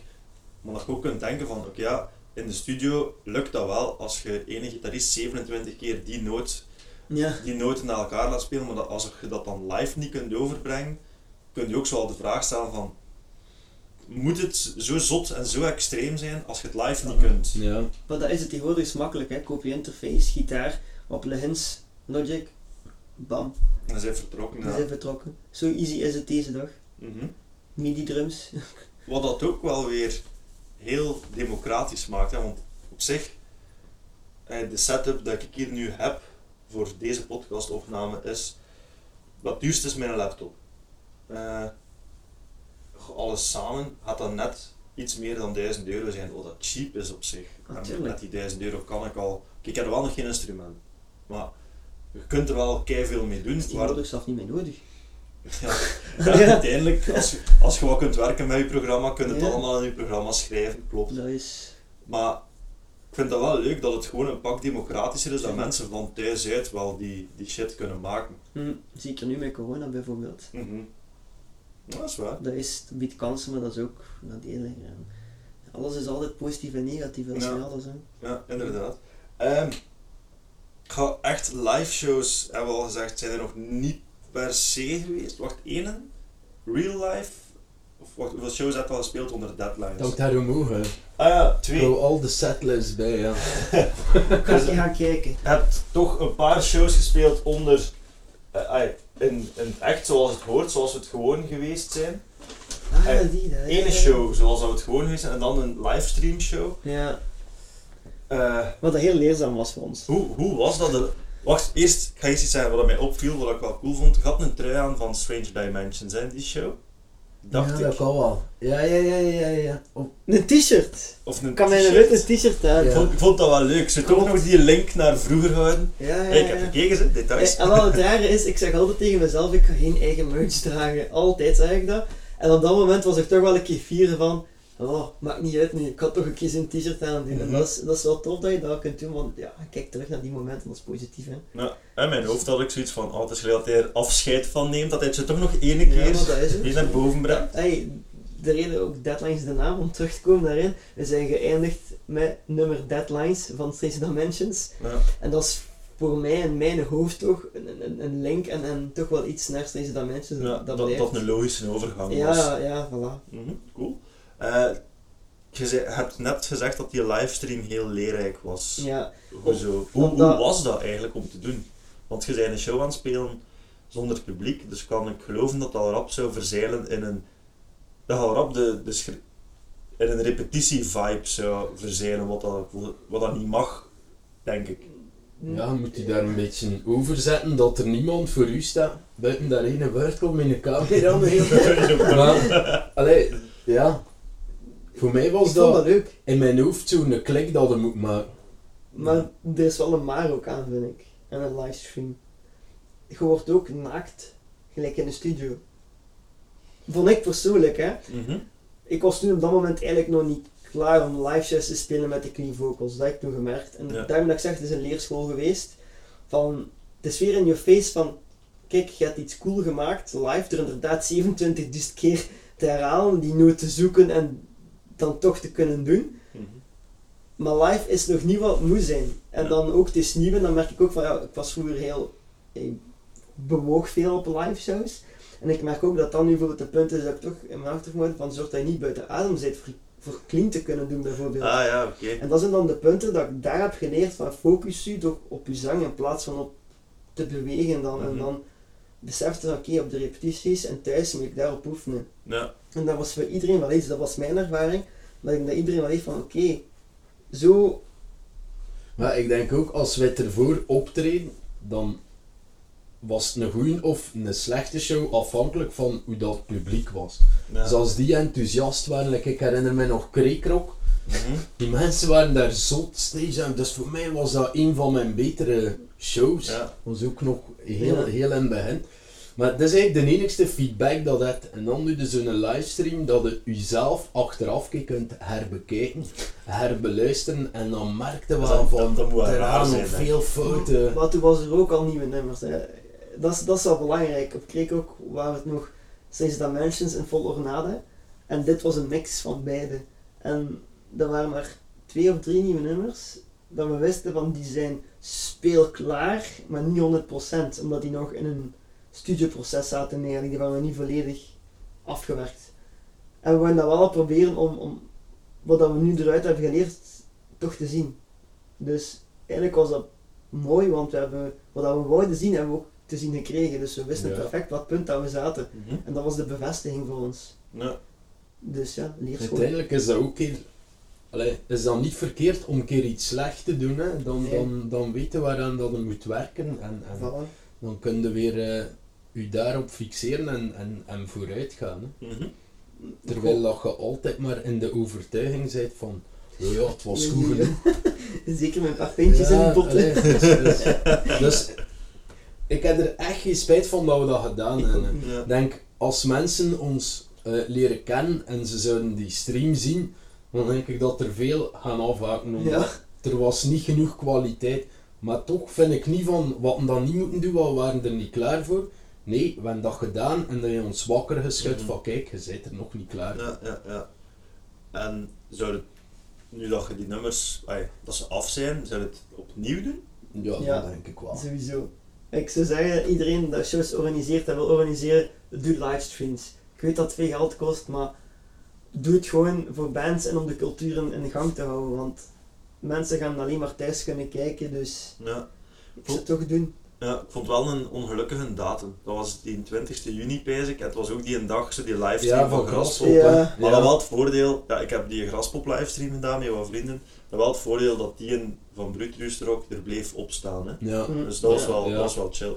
Wat dat ook weer de kans geeft om het inderdaad wel door te sturen en dat Mhm. mensen nog een keer kunnen naar bekijken. Maar ik Ja. vind dat wel leuk ook, die livestreams. Ja. De mensen zijn ook, allee, de, de- je wordt daar origineel in. Like, eh Ja. Heb ik bij een kameraad gedaan, dat was met barbecue, die had een super groot scherm gaan huren, een beamer. Want die is mega fan van Fleddy, maar echt overdreven. Ik denk dat hij twee tattoos heeft. En dat hij van elke t-shirt die ze uitgebracht hebben, twee exemplaren heeft. Dus die, die gast is mega fan. Dus die had een groot scherm, beamer, bakken bier, barbecue. Dat was, dat was zalig. Oh, wat, toch die festival vibe Ja, nee, dat, ja, dat was daar Ja. echt. eh. Cool. Ik heb het gedaan in Nasgaard. eh naar Belgium gaan kijken. Ja. Ik ben er ook wat van amuseerd. Eh, cool festival ook trouwens. Ehm, waar worden we nu naartoe gaan? Live shows. Eh, en het hele bubbel optreden gegeven. Heb je daar al over nagedacht? Om ergens Ja. toch een show te doen en een gezeten... Zeker, een release show bijvoorbeeld. mhm. Dat is al in mijn- in een van ons hoofd gezeten, hè. maar gewoon wat, waar trekt je de lijnen en ja, ik was iets van, oké, uiteindelijk uit de kosten geraken, als je zegt van het is enkel een release show en je zoekt dan al dan niet een support. De mensen die dan willen komen kijken, kunnen bijvoorbeeld op reservatie doen. En die gaan dan bijvoorbeeld gerust 10 euro willen leggen om je, ja, om je die support toch te Mhm. geven. Maar ik denk eerder dat de tijd en een, een- het gebrek aan kennis van de maatregelen daar een probleem in zijn. Ja. Ik weet dat Asgard wel al bepaalde activiteiten doet, bijvoorbeeld. Maar ik zou bijvoorbeeld niet weten van, van wat, als ik iets zeg van ik wil een dak of iets doen, aan wat moet ik mij allemaal houden? Ja. En ik denk dat daar de fout ligt van oké, kan ik wel handjalletjes zetten, maar Het is te moeilijk om, ja, om met alles rekening te houden. Het Ja. verandert ook veel. verandert ook ja. om de zoveel. Dus voor de mensen die bijvoorbeeld een show binnen drie weken hebben gedaan, ja, nu is dat weer veranderd. Hè. Binnen drie weken vallen die dan binnen die maatregelen die er nu zijn, maar die hebben de, ma die hebben de productie wel klaargesteld op de vorige maatregelen. Dus ja, Ja, inderdaad. Ik heb mij ook al zitten afvragen van... "Ach, Ik heb wel nog één of twee tickets voor shows binnenkort. Maar als, als uw cafés moeten downsize naar vier mensen per tafel, hoe gaan die shows dan doorgaan? Want als je een, bubbel, Ja. eh, als je een ticket koopt van een bubbel voor zeven of zo, wat dat toen nog mocht, hoe gaan ze dan plots beginnen doen en hoe gaan ze erover beginnen? en wat als je alleen zit. Ik heb al, al op Facebook een paar comments gelezen van mensen die vroeger alleen naar shows gingen, Ja, naar foto's stoken, en die kregen op bepaalde events gewoon geen tafel, want die is alleen. ja. Nou, ik heb wel al Dus een event gezien waar dat je gerust alleen naartoe Ja. kon gaan. Maar inderdaad, het is, het is niet Het is makkelijk. onduidelijk gewoon. En ik denk dat dat mensen ook weer houdt om naar buiten te komen. Het is te onduidelijk voor, voor, voor de mensen en onduidelijk voor de organisatoren die Ja. iets moeten doen. En dat is een, een, een werkpunt ten eerste, maar dat werkpunt ligt niet aan, aan de mensen die het willen doen, want die willen het doodgraag doen. Mhm. Die willen zo rap mogelijk shows, evenementen creëren. Dus Ja. Dus je zou eigenlijk al rapper opteren voor nog een, een nieuwe livestream dan voor een, eh, dan voor een gezetene show te doen. Alles wat er binnenkomt, spelen. nee, maar ik, ja, en wat de combinatie ervan Ja, vind ik eigenlijk mooi. Oké, je zit dan maar met vier aan de tafel momenteel. Maar als je dat kunt doen, doe dat gewoon en, en zorg dat je dan iets kunt filmen. Maar dat kost gewoon geld, omdat momenteel de evenementsector niet de, de, de middelen zijn er wel, maar niet elke, ja moet ik het zeggen, om het, café heeft, heeft, heeft iemand die camera heeft, iemand een 30p om dat geluid deftig te, Mhm. op te nemen naar Facebook toe. Je moet er dan ook nog betalen om een keer live te streamen, dus allee. ja. Nu op zich, echt een, een ingeving van het moment. Hè. Dus als het niet 100% correct uitkomt, spreek mij tegen. Je kunt toch ergens een soort van concert spelen, dat volledig filmen met een paar angles, een paar vaste camera's, één of twee mensen die bewegen. Zorgen dat dat goed is opgenomen en als je dat dan knipt en plakt, kun je wel toch een soort van concertavond doen. Dat het gevoel geeft van livestream te zijn, Mhm. maar waar je wel je tijd voor gepakt hebt om dat te doen. Dat Dus dat je bijvoorbeeld een rehearsal room show speelt, in elke hoek Mhm. een, een GoPro hangt. Het gaat misschien niet de zotste beeldkwaliteit zijn, alhoewel. En geluid. Ja, maar lukt dat niet? Ik weet dat niet, echt, daar heb ik te weinig kennis De, van. de mensen die achter een paneel staan zijn meestal geschoold of hebben nog super veel ervaring omdat dat je live gewoon goed geluid hebt. En ik denk dat, dat als je dat opneemt, dat je daar weer een andere vibe in hebt, want dan zit je meer in een studioomgeving. Mhm. En elke mens luistert thuis op een andere manier, dus dat is heel moeilijk ja. om, om amateuristisch zeg maar goed te kunnen gaan klinken. Ja, ja, ja. Kan ik ook mixen, ja. Maar voor hetzelfde klinkt dat door die computer super bassig, door de andere super schel. ja ah, oké, ja. Eh, dat, dat denk, dat moment, denk ik en dan voel ik ervan. Want ik vind het wel een goed idee. Maar zou dat dan hoeven 200 views? Ik weet dat niet. dat, dat begint het terug als, als, als lokale band. Hè. Waar ik nu eigenlijk een beetje mee zit van... We hebben eh, een playthrough gefilmd. Dat Ja. gaan we sowieso uitbrengen. Mhm. Maar dan zit je weer met 1000 views, wat ik leuk vind aan mensen. 1000 views, dat is eigenlijk van wauw, 1000 mensen en dan als je kijkt naar mij. Ja, op live shows, eh, op een show en niemand 1000 mensen, dat staat dan nooit hè. Dus als je dan zo denkt, is van wauw. Maar de tijd dat erin kruipt als, als leek, zeg maar, Ja, is dat waar? is dat waard. Ja. Je gaat promomateriaal, zeker en vast. Mhm. En op, op wat wij daarmee willen mee doen is interessant, we kunnen dat mailen naar, naar grotere instanties, om kijk, dat zijn wij te zeggen. Maar is het die tijd en moeite waard om die 50 views te hebben? Waar haal ik eruit? Je hebt geen e-mailadressen, je hebt geen contacten, dus je kunt niet keer, een keer mailen van hey yo, heb je dat al gezien van ons? Hey yo, dat? Mhm. Of wist me u, wat vond ervan? Dat gaat niet, ze kijken en ze liken. En Ja. dan zijn we weer met hetzelfde dat ik dat eerst zei van social media. Ja, ja, De swipe cultuur. De swipe cultuur. Ah, Tinder voor bands. Dat zou mooi zijn eigenlijk hè. Hebben we hier net een geniaal idee gevonden? Eigenlijk ja, dat is zo 15 seconden telkens soort van een band. Dat je denkt van, ja, swipe, swipe, swipe. En dan begint er weer iets. Ik dat heel mooi installeren als Ja, ik ook. Eh, developers die hier naar luisteren, get at us en we, gaan, en we maken een Tinder voor bands. Maar wat je nu zegt, vind ik ook een mooie. Je zegt 15 seconden. Ja, ik weet Dus het. nu moet je zeggen, wat is belangrijk als band die wil gehoord worden online, om te maken als muziek? Ja, ik weet het, maar je moet iets visueel hebben en iets, iets- ja ik weet, 15 seconden is heel, ik weet dat dat, Maar zo werkt het nu ook hè. ja, Wat doe je op YouTube? als het niet goed is, klikt Ah, door. nou, de gemiddelde tijd of zo van onze video is 15, 16 seconden. Mhm. Dat mensen kijken. Dus dan moet je zeggen van oké, wat gaan we doen met de nieuwe muziek? Dus het is belangrijk bijvoorbeeld dan om te zeggen, de intro is belangrijk. Dat je direct kunt mee gaan denken, dan gaan ze langer luisteren dan een rustige intro bijvoorbeeld, dat een minuut duurt. Mhm. Maar vroeger was er zo niet, je legt een cd op. Oh, dat is wel een coole intro. Best spannend wat er komt. Die cultuur is een beetje weg, vind ik. Ja, Het moet, moet van eerste keer bam erop zijn, dan ze uitluisteren of een beetje langer luisteren. Maar op zich, als je, allee, cru gezegd, maar er gaan altijd wel een paar hits op, op een plaat staan. Hè. Ja, sowieso. En- ja. Uw, ik pak nu een heel, heel stom voorbeeld, ehm, die een, hoe noemt die plaat, van Heaven Shall Burn Me, Awoken en Ensight. Mhm. Die intro van Awoken, dat is prachtig, er staat er in de clip ook bij, maar dat gaat nooit de hit van uw plaat zijn, die intro. Nee. Dus dat ik denk, om die Tinder voor bands, echt waar, ik, ik wil hier iets mee doen hè, trouwens, om, dat je met je hit gaat. En als mensen getriggerd worden door die hit, gaan ze wel luisteren naar wat erbij komt. Want oké, we hebben wel die, waar, die korte aandachtspannen. Dus ik denk dat je iemand moet overtuigen met bam in your face. Dit is het grootste deel van wat we doen, maar we doen ook nog andere dingen, maar we willen die andere dingen leren Maar kennen. wat doe je dan? een keer zoeken. Doe je dan de chorus of doe je dan een break? Want een break is altijd anders, maar is een break.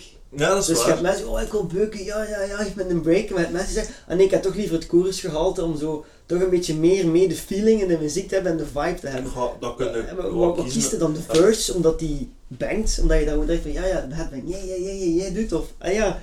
Dus daar is die keuze van, waar pakt je die keuze? Hoe zet je dat profiel dan online? Wel, op, om Tinder, te op, Tinder, triggeren. op Tinder mocht je ook een aantal foto's doen. Dus je kunt misschien... Ja, je moet dan voor jezelf de keuze maken, waarmee wil je onderscheiden. En Dat- zij, ja, je een beatdown bent, maak dan dat je een, een zotte break hebt en dat mensen hun gsm tegen de muur willen kapot smijten.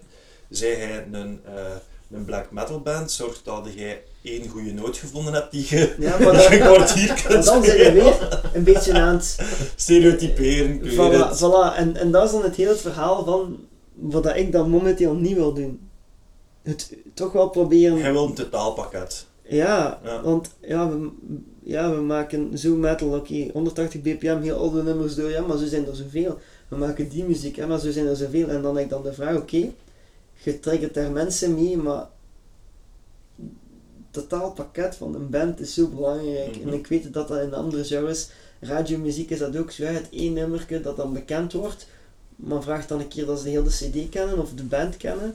Ja, de naam, maar de rest weten ze er niet van. En dat vind ik jammer aan muziek. En dan zijn we terug, muziek is gewoon het sociale en het emotionele Mhm. er rond. Nu op zich, dat je dan zegt van muziek, van het radiohitje en de, eh, de cd's ervan.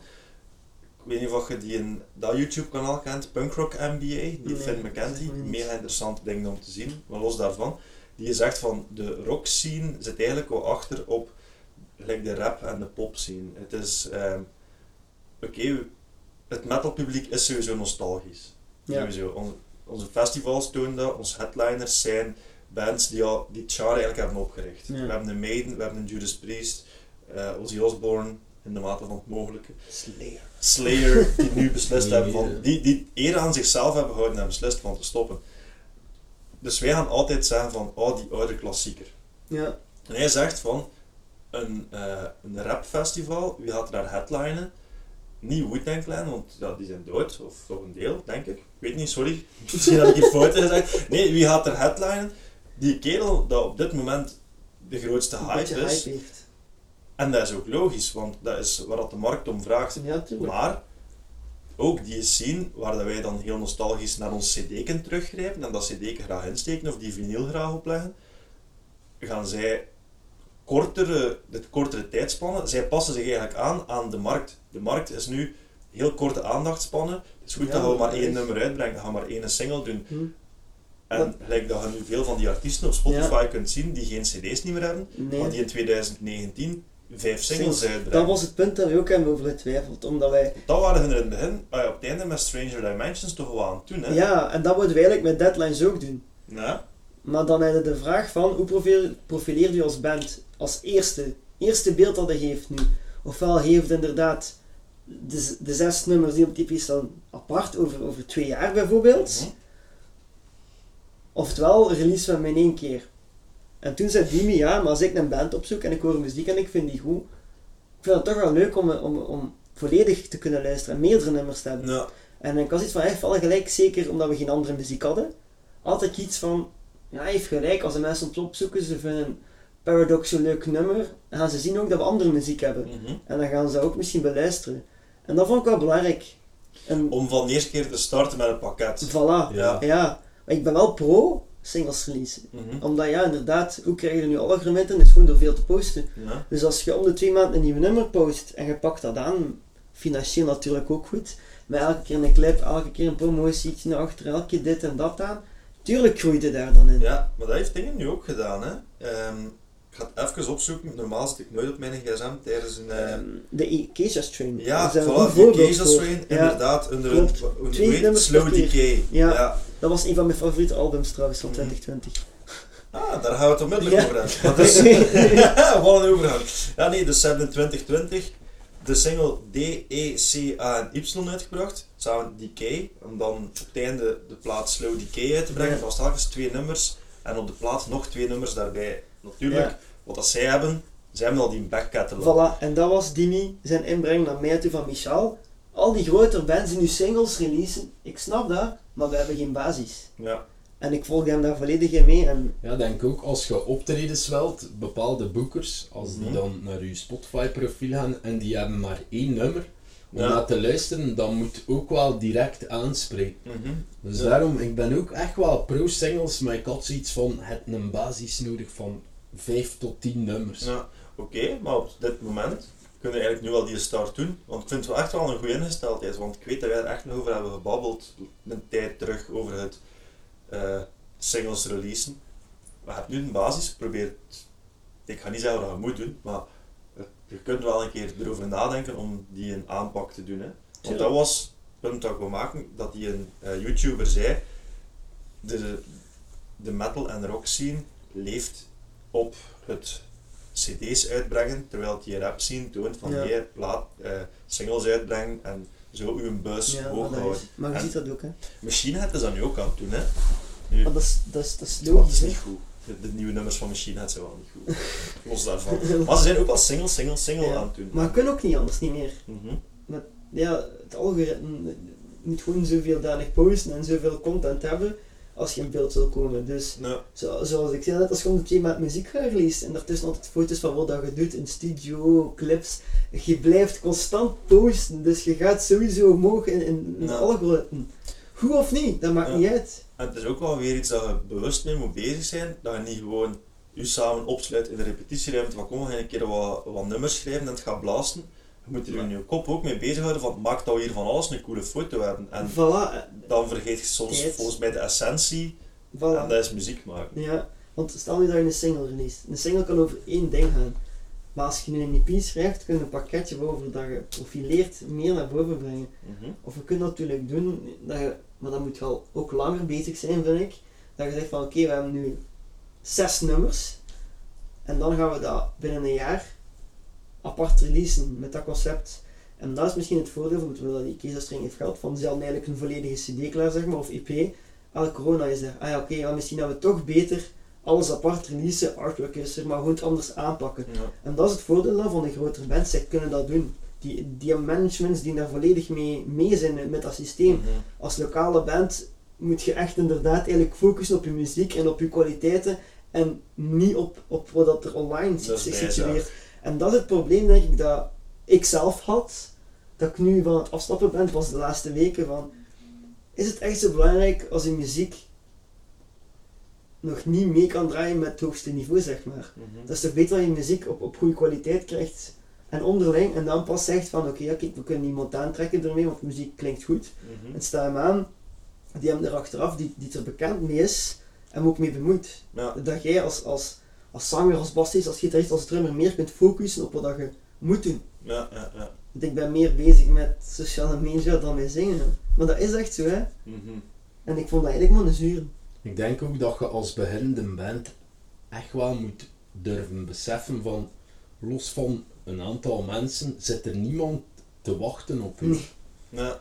Allee, dus, Dat is dus ook wat dat Ruben van Vonnis in de eerste aflevering heeft gezegd. En ja, want jij wacht bent op- hoe dat het doet, maar ik kan me niet voorstellen dat er honderd mensen zijn die zo zaten te wachten op de EP En van dat is- Deadline, snapte? Ja, En ja, ja. ik wil dat als uitgangspunt gebruiken. Dus niemand zit te wachten op ons, dus wij doen gewoon op de manier dat wij denken, Ja. dat is de juiste manier. En dat geldt ook voor de volgende nummers die komen. Ja, sowieso. Mhm. Je moet gewoon maken dat ze goed genoeg zijn dat de mensen hun radius komt, dat ze het Ja. zien en dat ze mee hebben zeker. Voilà. Maar het punt is ook, bepaalde mensen gaan weten dat we nu al muziek hebben. Luisteren ze ernaar? Nee, dat kan. Maar als ze zien dat we weer al nieuwe muziek uitbrengen, ah tjoe, dat, is hier maar een jaar geleden, gaan het ook eens kijken en zullen terug aanhangen. Ja, ze zijn wel aan zal- tempo bezig, wat zijn ze het doen? Ja, voilà. En dat proberen we wel aan te houden nu. En dat is nu moeilijk of makkelijker met corona, dat durf ik niet echt zeggen. Mhm. Omdat je nu de tijd hebt om te schrijven en om je klaar te stomen. Ja. Denk dat dat een voordeel is. Het is Ja. verdomd jammer Zeker als, dat we niet kunnen als, spelen. als lokale bands is het nu eigenlijk perfect om, om, om een stap terug te nemen, u te een evalueren als persoonlijk. Ja, ja, is niet wat je wilt natuurlijk. Als je gewoon wilt blijven spelen en gewoon shows wilt spelen, ja, dat trekt je lijnen. Maar als je wil toch net iets meer dan gewoon elk weekend ja, zat op het podium staan zeg maar en, en, en alles kapot doen. Ja. Eh, dan denk ik nu dat je perfect kunt focussen op jezelf Ja. en, en, en, en op, op de band. Hè. En, en dat is moeilijk, hè, want het is altijd een hobby en je zaagt dan een keer tegen elkaar. Maar je weet perfect, van, ja, we kunnen nu eigenlijk die, die set echt wel goed krijgen. Hè. Nee, we hebben nu ook een- eenzelfde paneel gekocht dat we mee kunnen opnemen tijdens de repetitie. En dat doet verdomd veel om te horen van, ah ja, like de livestream, ah ja, dat moet wel beter. Ja. Dus dat is tijd dat je kunt gebruiken. Hè. En nu ook het, voor, eh, het voordeel aan het local klein, kleiner bandje zijn. Jij moet er niet van leven op het eind van de maand. Nee. Hè. Je rekeningen moeten De niet betaald niet, worden nee. voor wat je doet. Hè. Dus jij kunt nog gaan werken en na je werk thuis nog wel beginnen schrijven. Ja. Waar dat die professionele bands, oké, dat is weer de vraag, hebben ze, hebben ze geld of niet? Ja. Dat weten niet. Die moeten wel op het einde een rekening betalen van de muziek dat ze gemaakt hebben. ja, klopt. En dat, die druk hebben jullie nu gelukkig niet. Nee, hè. Oké, eh wauw, we zijn even bezig. Je er net- hebt er net aangehaald dat je Slow Decay u, een van uw favoriete platen vond van dit jaar. Want tegen dat deze aflevering uitkomt, zullen wel ergens november zijn. Heb je nog favoriete plaatjes van dit jaar waarvan je denkt, Ja. shit, hier moeten naar luisteren. Ik vind dat alle grotere metalcore acts vond ik wel eh, knal, like The Currents, Polaris. Ehm, ja. Maar nog wel. ehm, Ja. is nog eens Ja, raad mij bands aan, want ik zei het, ik ben te weinig thuis Voor in mij het is het metalcore genre, dus Load is voor mij het album voorlopig van het jaar. ja. Ja. I let it in and I took everything. Die, die gasten zijn ook echt aan het boomen, met reden ook. Mhm. Die brengen ook echt wel hun eigen ding. Omdat die ze hebben ook zijn. niet, niet gekeken naar we gaan mee in die richting. Nee, die, als je die ziet staan, die zouden vijf frank geven ook. Die, die zien er, ik weet niet hoe raar. hè. De, Die de, zouden vijf frank geven. de gitarist staat daar, staat daar op zo'n Birkenstocks in zo'n trainingsbroek.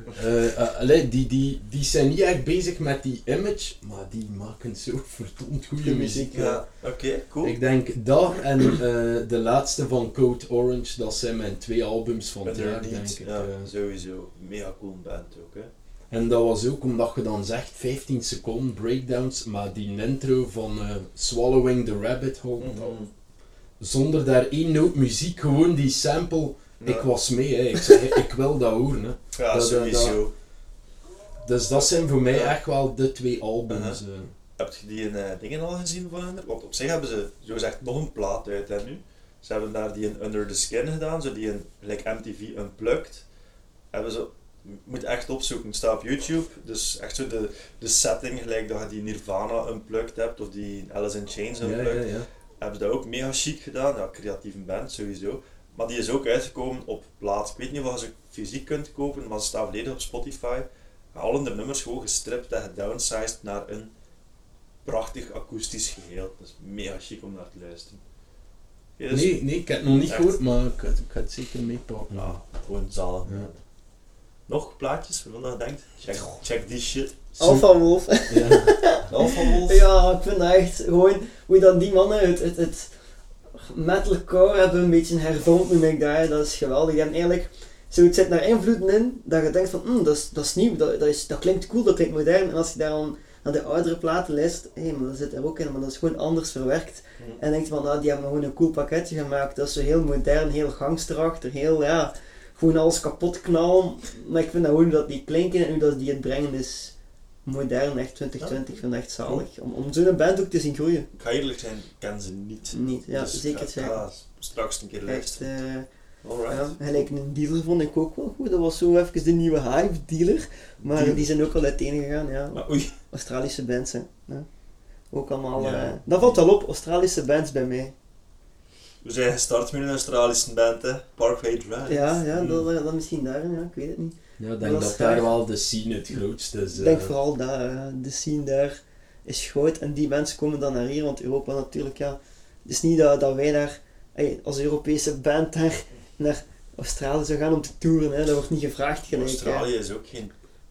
Dat, dat wordt wel gevraagd van bands gaan naar Australië, maar Australië is zodanig groot, volgens hoe dat ik het heb begrepen, en heeft zodanig weinig punten Mhm. om te spelen eigenlijk, dat bands het gewoon de moeite niet vinden om die, Om daar die overstap te maken. Ik zou het al sinds doen, moesten ze mij vragen. Moest nou, gewoon naar Australië kunnen gaan, sowieso. Maar ik zou dat gewoon, ik zou gaan, een weekje toeren en dan twee weken in Australië nog verkennen. Ja, ja, of zo. tuurlijk, tuurlijk, ja. ja. Shit zijn. Ehm, Oké, een, vast, va- een vast vraagje in deze podcast. Stel, corona is gedaan, je mag een show organiseren, je hebt geen financiële eh, restricties, je hebt ook geen eh, wetten van het leven, dus je mocht levende bands, dode bands, whatever. Vijf bands op één line-up en je mocht één wak kiezen. Welke show zou je organiseren? Ja, misschien toch wel de Parkway? Als Ja, headliner? ik- Een keer de architect. Of architect? de, Maar oftewel zijn de Parkway ofwel architect. En eh, Ja. ik, ik ben altijd wel voor, eh we laten ze voor gewoon Sam samen meer spelen. geweest. In een mix. Ja, Alpha Wolf. En voor mij toch wel erbij dan Moments. Ja, ja, ja. Moments zit erbij. Oké. Ja, moest er ook, ik weet niet, ja, moest er één, één Belgische band. Ik vind dat moeilijk, maar op zich hebben we wel kwaliteit. Hè. Dat, Maar als, als het een beetje is- moet aansluiten ook, dan denk ik uh, Dat hoeft het, dat moet echt Suasion, denk ik. Daar ben ik de, het laatste half jaar ingerold. Dus het is een band van, eh van Luik. Ja, en hoe noemen ze? Suasion. Hebben die niet op Graspop gestaan ook? Of, of, of, of Dat weet De ik Red niet. Eh, Jam ooit maar ook die maken niet. echt zo de melige metalcore waar ik fan van ben. Nee, echt. niet of dat Melige metalcore. of Mooie literatie trouwens. Alaska kent. Wel van naam ook. Ja. Die doen me daar heel sterk aan denken. eh. Ja, die zou ik erbij zetten. En dan, god. De eigenlijk keuze. zo grote namen zeggen we nu ook niet, hè. Nee, jawel. Dat is, dat is wel cool, vind ik. me- ja, dat is mega chic, want ik heb zo al...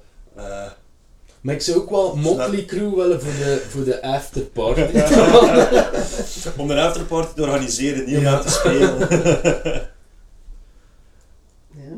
Ja, dat is niet moeilijk. Nee. Het is ook zo heel uiteenlopend, omdat je kunt dan zo het lokaal, eh, lokale, de gewoon coole bands samensmijten, maar je kunt ook de dode legendes bij elkaar smijten. Ja, like Ja. Chester van Linkin Park. Hè. Ik, ik, dat, is, dat is echt, denk ik, voor ons generatie misschien wel het grootste Dat is wel een dik voorbeeld. Stel je daarvoor dat eh, als headliner. Linkin Park. Wat ik ze heb gezien? Ook al was het Ja, niet ik denk super. live. Nee? Maar ja, het is te zeggen. Stel je voor dat je ze in een tijd had kunnen zien met Meteora en Hybrid Ja. Theory, dat je enkel die nummers had. Mega zot. Ik ga eerlijk zijn, die laatste plaat, de meesten vinden dat niet goed. Ik heb er wel iets van van, ik snap het wel, ik vind het geestig. Hij had dan wel ook die nummers in die set. Dus dat maakte dan dat de vaart er wel uitging, want je merkt dan ook wel de fans die dan, de fans van het eerste uur zitten dan op hun gsm te scrollen. Dus dat was wel wijs om live te zien. Maar als je dat kunt inbeelden dat je dat toen had gezien met enkel die nummers, dan moet volgens mij gestoord geweest zijn. Dat is waar. Daar ben ik zeker ook van. Dat denk ik ook. Ah, Linkin Park. Goed. Houden Ja. En aan een raam misschien ook. eh, Ja, Dat, voor dat- de show. dat is wel een alleen. stijlbrekerke, hè? Ja, maar dat mocht, hè? Ja, natuurlijk, natuurlijk. Maar, nee, nee, nee. maar- Tuurlijk, ja, maar ja, altijd, hè. Elke dag opnieuw graag. Ja, dat, dat, is, dat is ongelooflijk ook hoe dat die uit dat genre kunnen treden. En ook echt wel iedereen kunnen aanspreken. Like, dankzij u heb ik daar die cover van eh, De Zotte Moor. Ah, ja, Heb ja. me dan nog doorgestuurd. Het, het is geweldig hè, dat je dat kunt. Hè. Ja. Want dan, als je dat aan veel mensen laat horen die daar niet in thuis zijn, gaan die zeggen van wat voor een, Als je het niet kent, is het lawaai. wat voor een chaos en Ja. ding. Maar daar zit echt zoiets achter. Hè. En die hebben ook al een tijd genomen. Die zijn blijven doen wat ze willen doen. Ja. En ik denk nu, die in Chili, Brazilië, die hebben in Azië, die hebben heel de wereld gedaan. Ja, dat is waar. Amendra. Hm, heerlijk. Wauw, van Linkin Park naar Amendra gaan. Plots ging het snel. Goed, eh, ik denk dat we hier ongeveer een keer gaan afronden, zeker. Het zal dus gewoon een afleveringsje zijn. Ehm tenzij dat er echt nog dingen zijn die jullie willen zeggen. Ja, belangrijk. Waar kunnen de mensen u... eh, hoe kunnen ze u steunen? Op welke manier? Waar kunnen ze het vinden? Vertel die shit. Laat de mensen weten hoe dat ze u kunnen helpen. Merch. merch. Koop merch. Momenteel, ja. Momenteel merch en cd's van de nieuwe EP. Ik denk dat dat het beste is dat je ons rechtstreeks kunt mee helpen, zodat we een goede basis kunnen maken voor de nieuwe muziek die zou komen. Mhm. Ehm, ja, en toch streamen ook, hè, dat, dat we daar toch wel in een ander, ja, ander niveau komen. Op Spotify, op Apple Music, eigenlijk overal. En vooral de clip delen, hè. Ark. Ja. Oké. Dat is top. En vooral eh, deze podcast liken. Deze podcast liken. Dank u wel daarvoor. Jee, dat gaan we doen. Ehm, goed. Iedereen, merci om te luisteren. Eh, er zijn weer heel wat bands aangehaald, dus die bands gaan dan ook in de mixtape terechtkomen. Dimi, Michel, merci om mij hier te ontvangen. Eh, dit was het voor Muziekklap voor deze keer. En eh, ja, tot de volgende. Joe.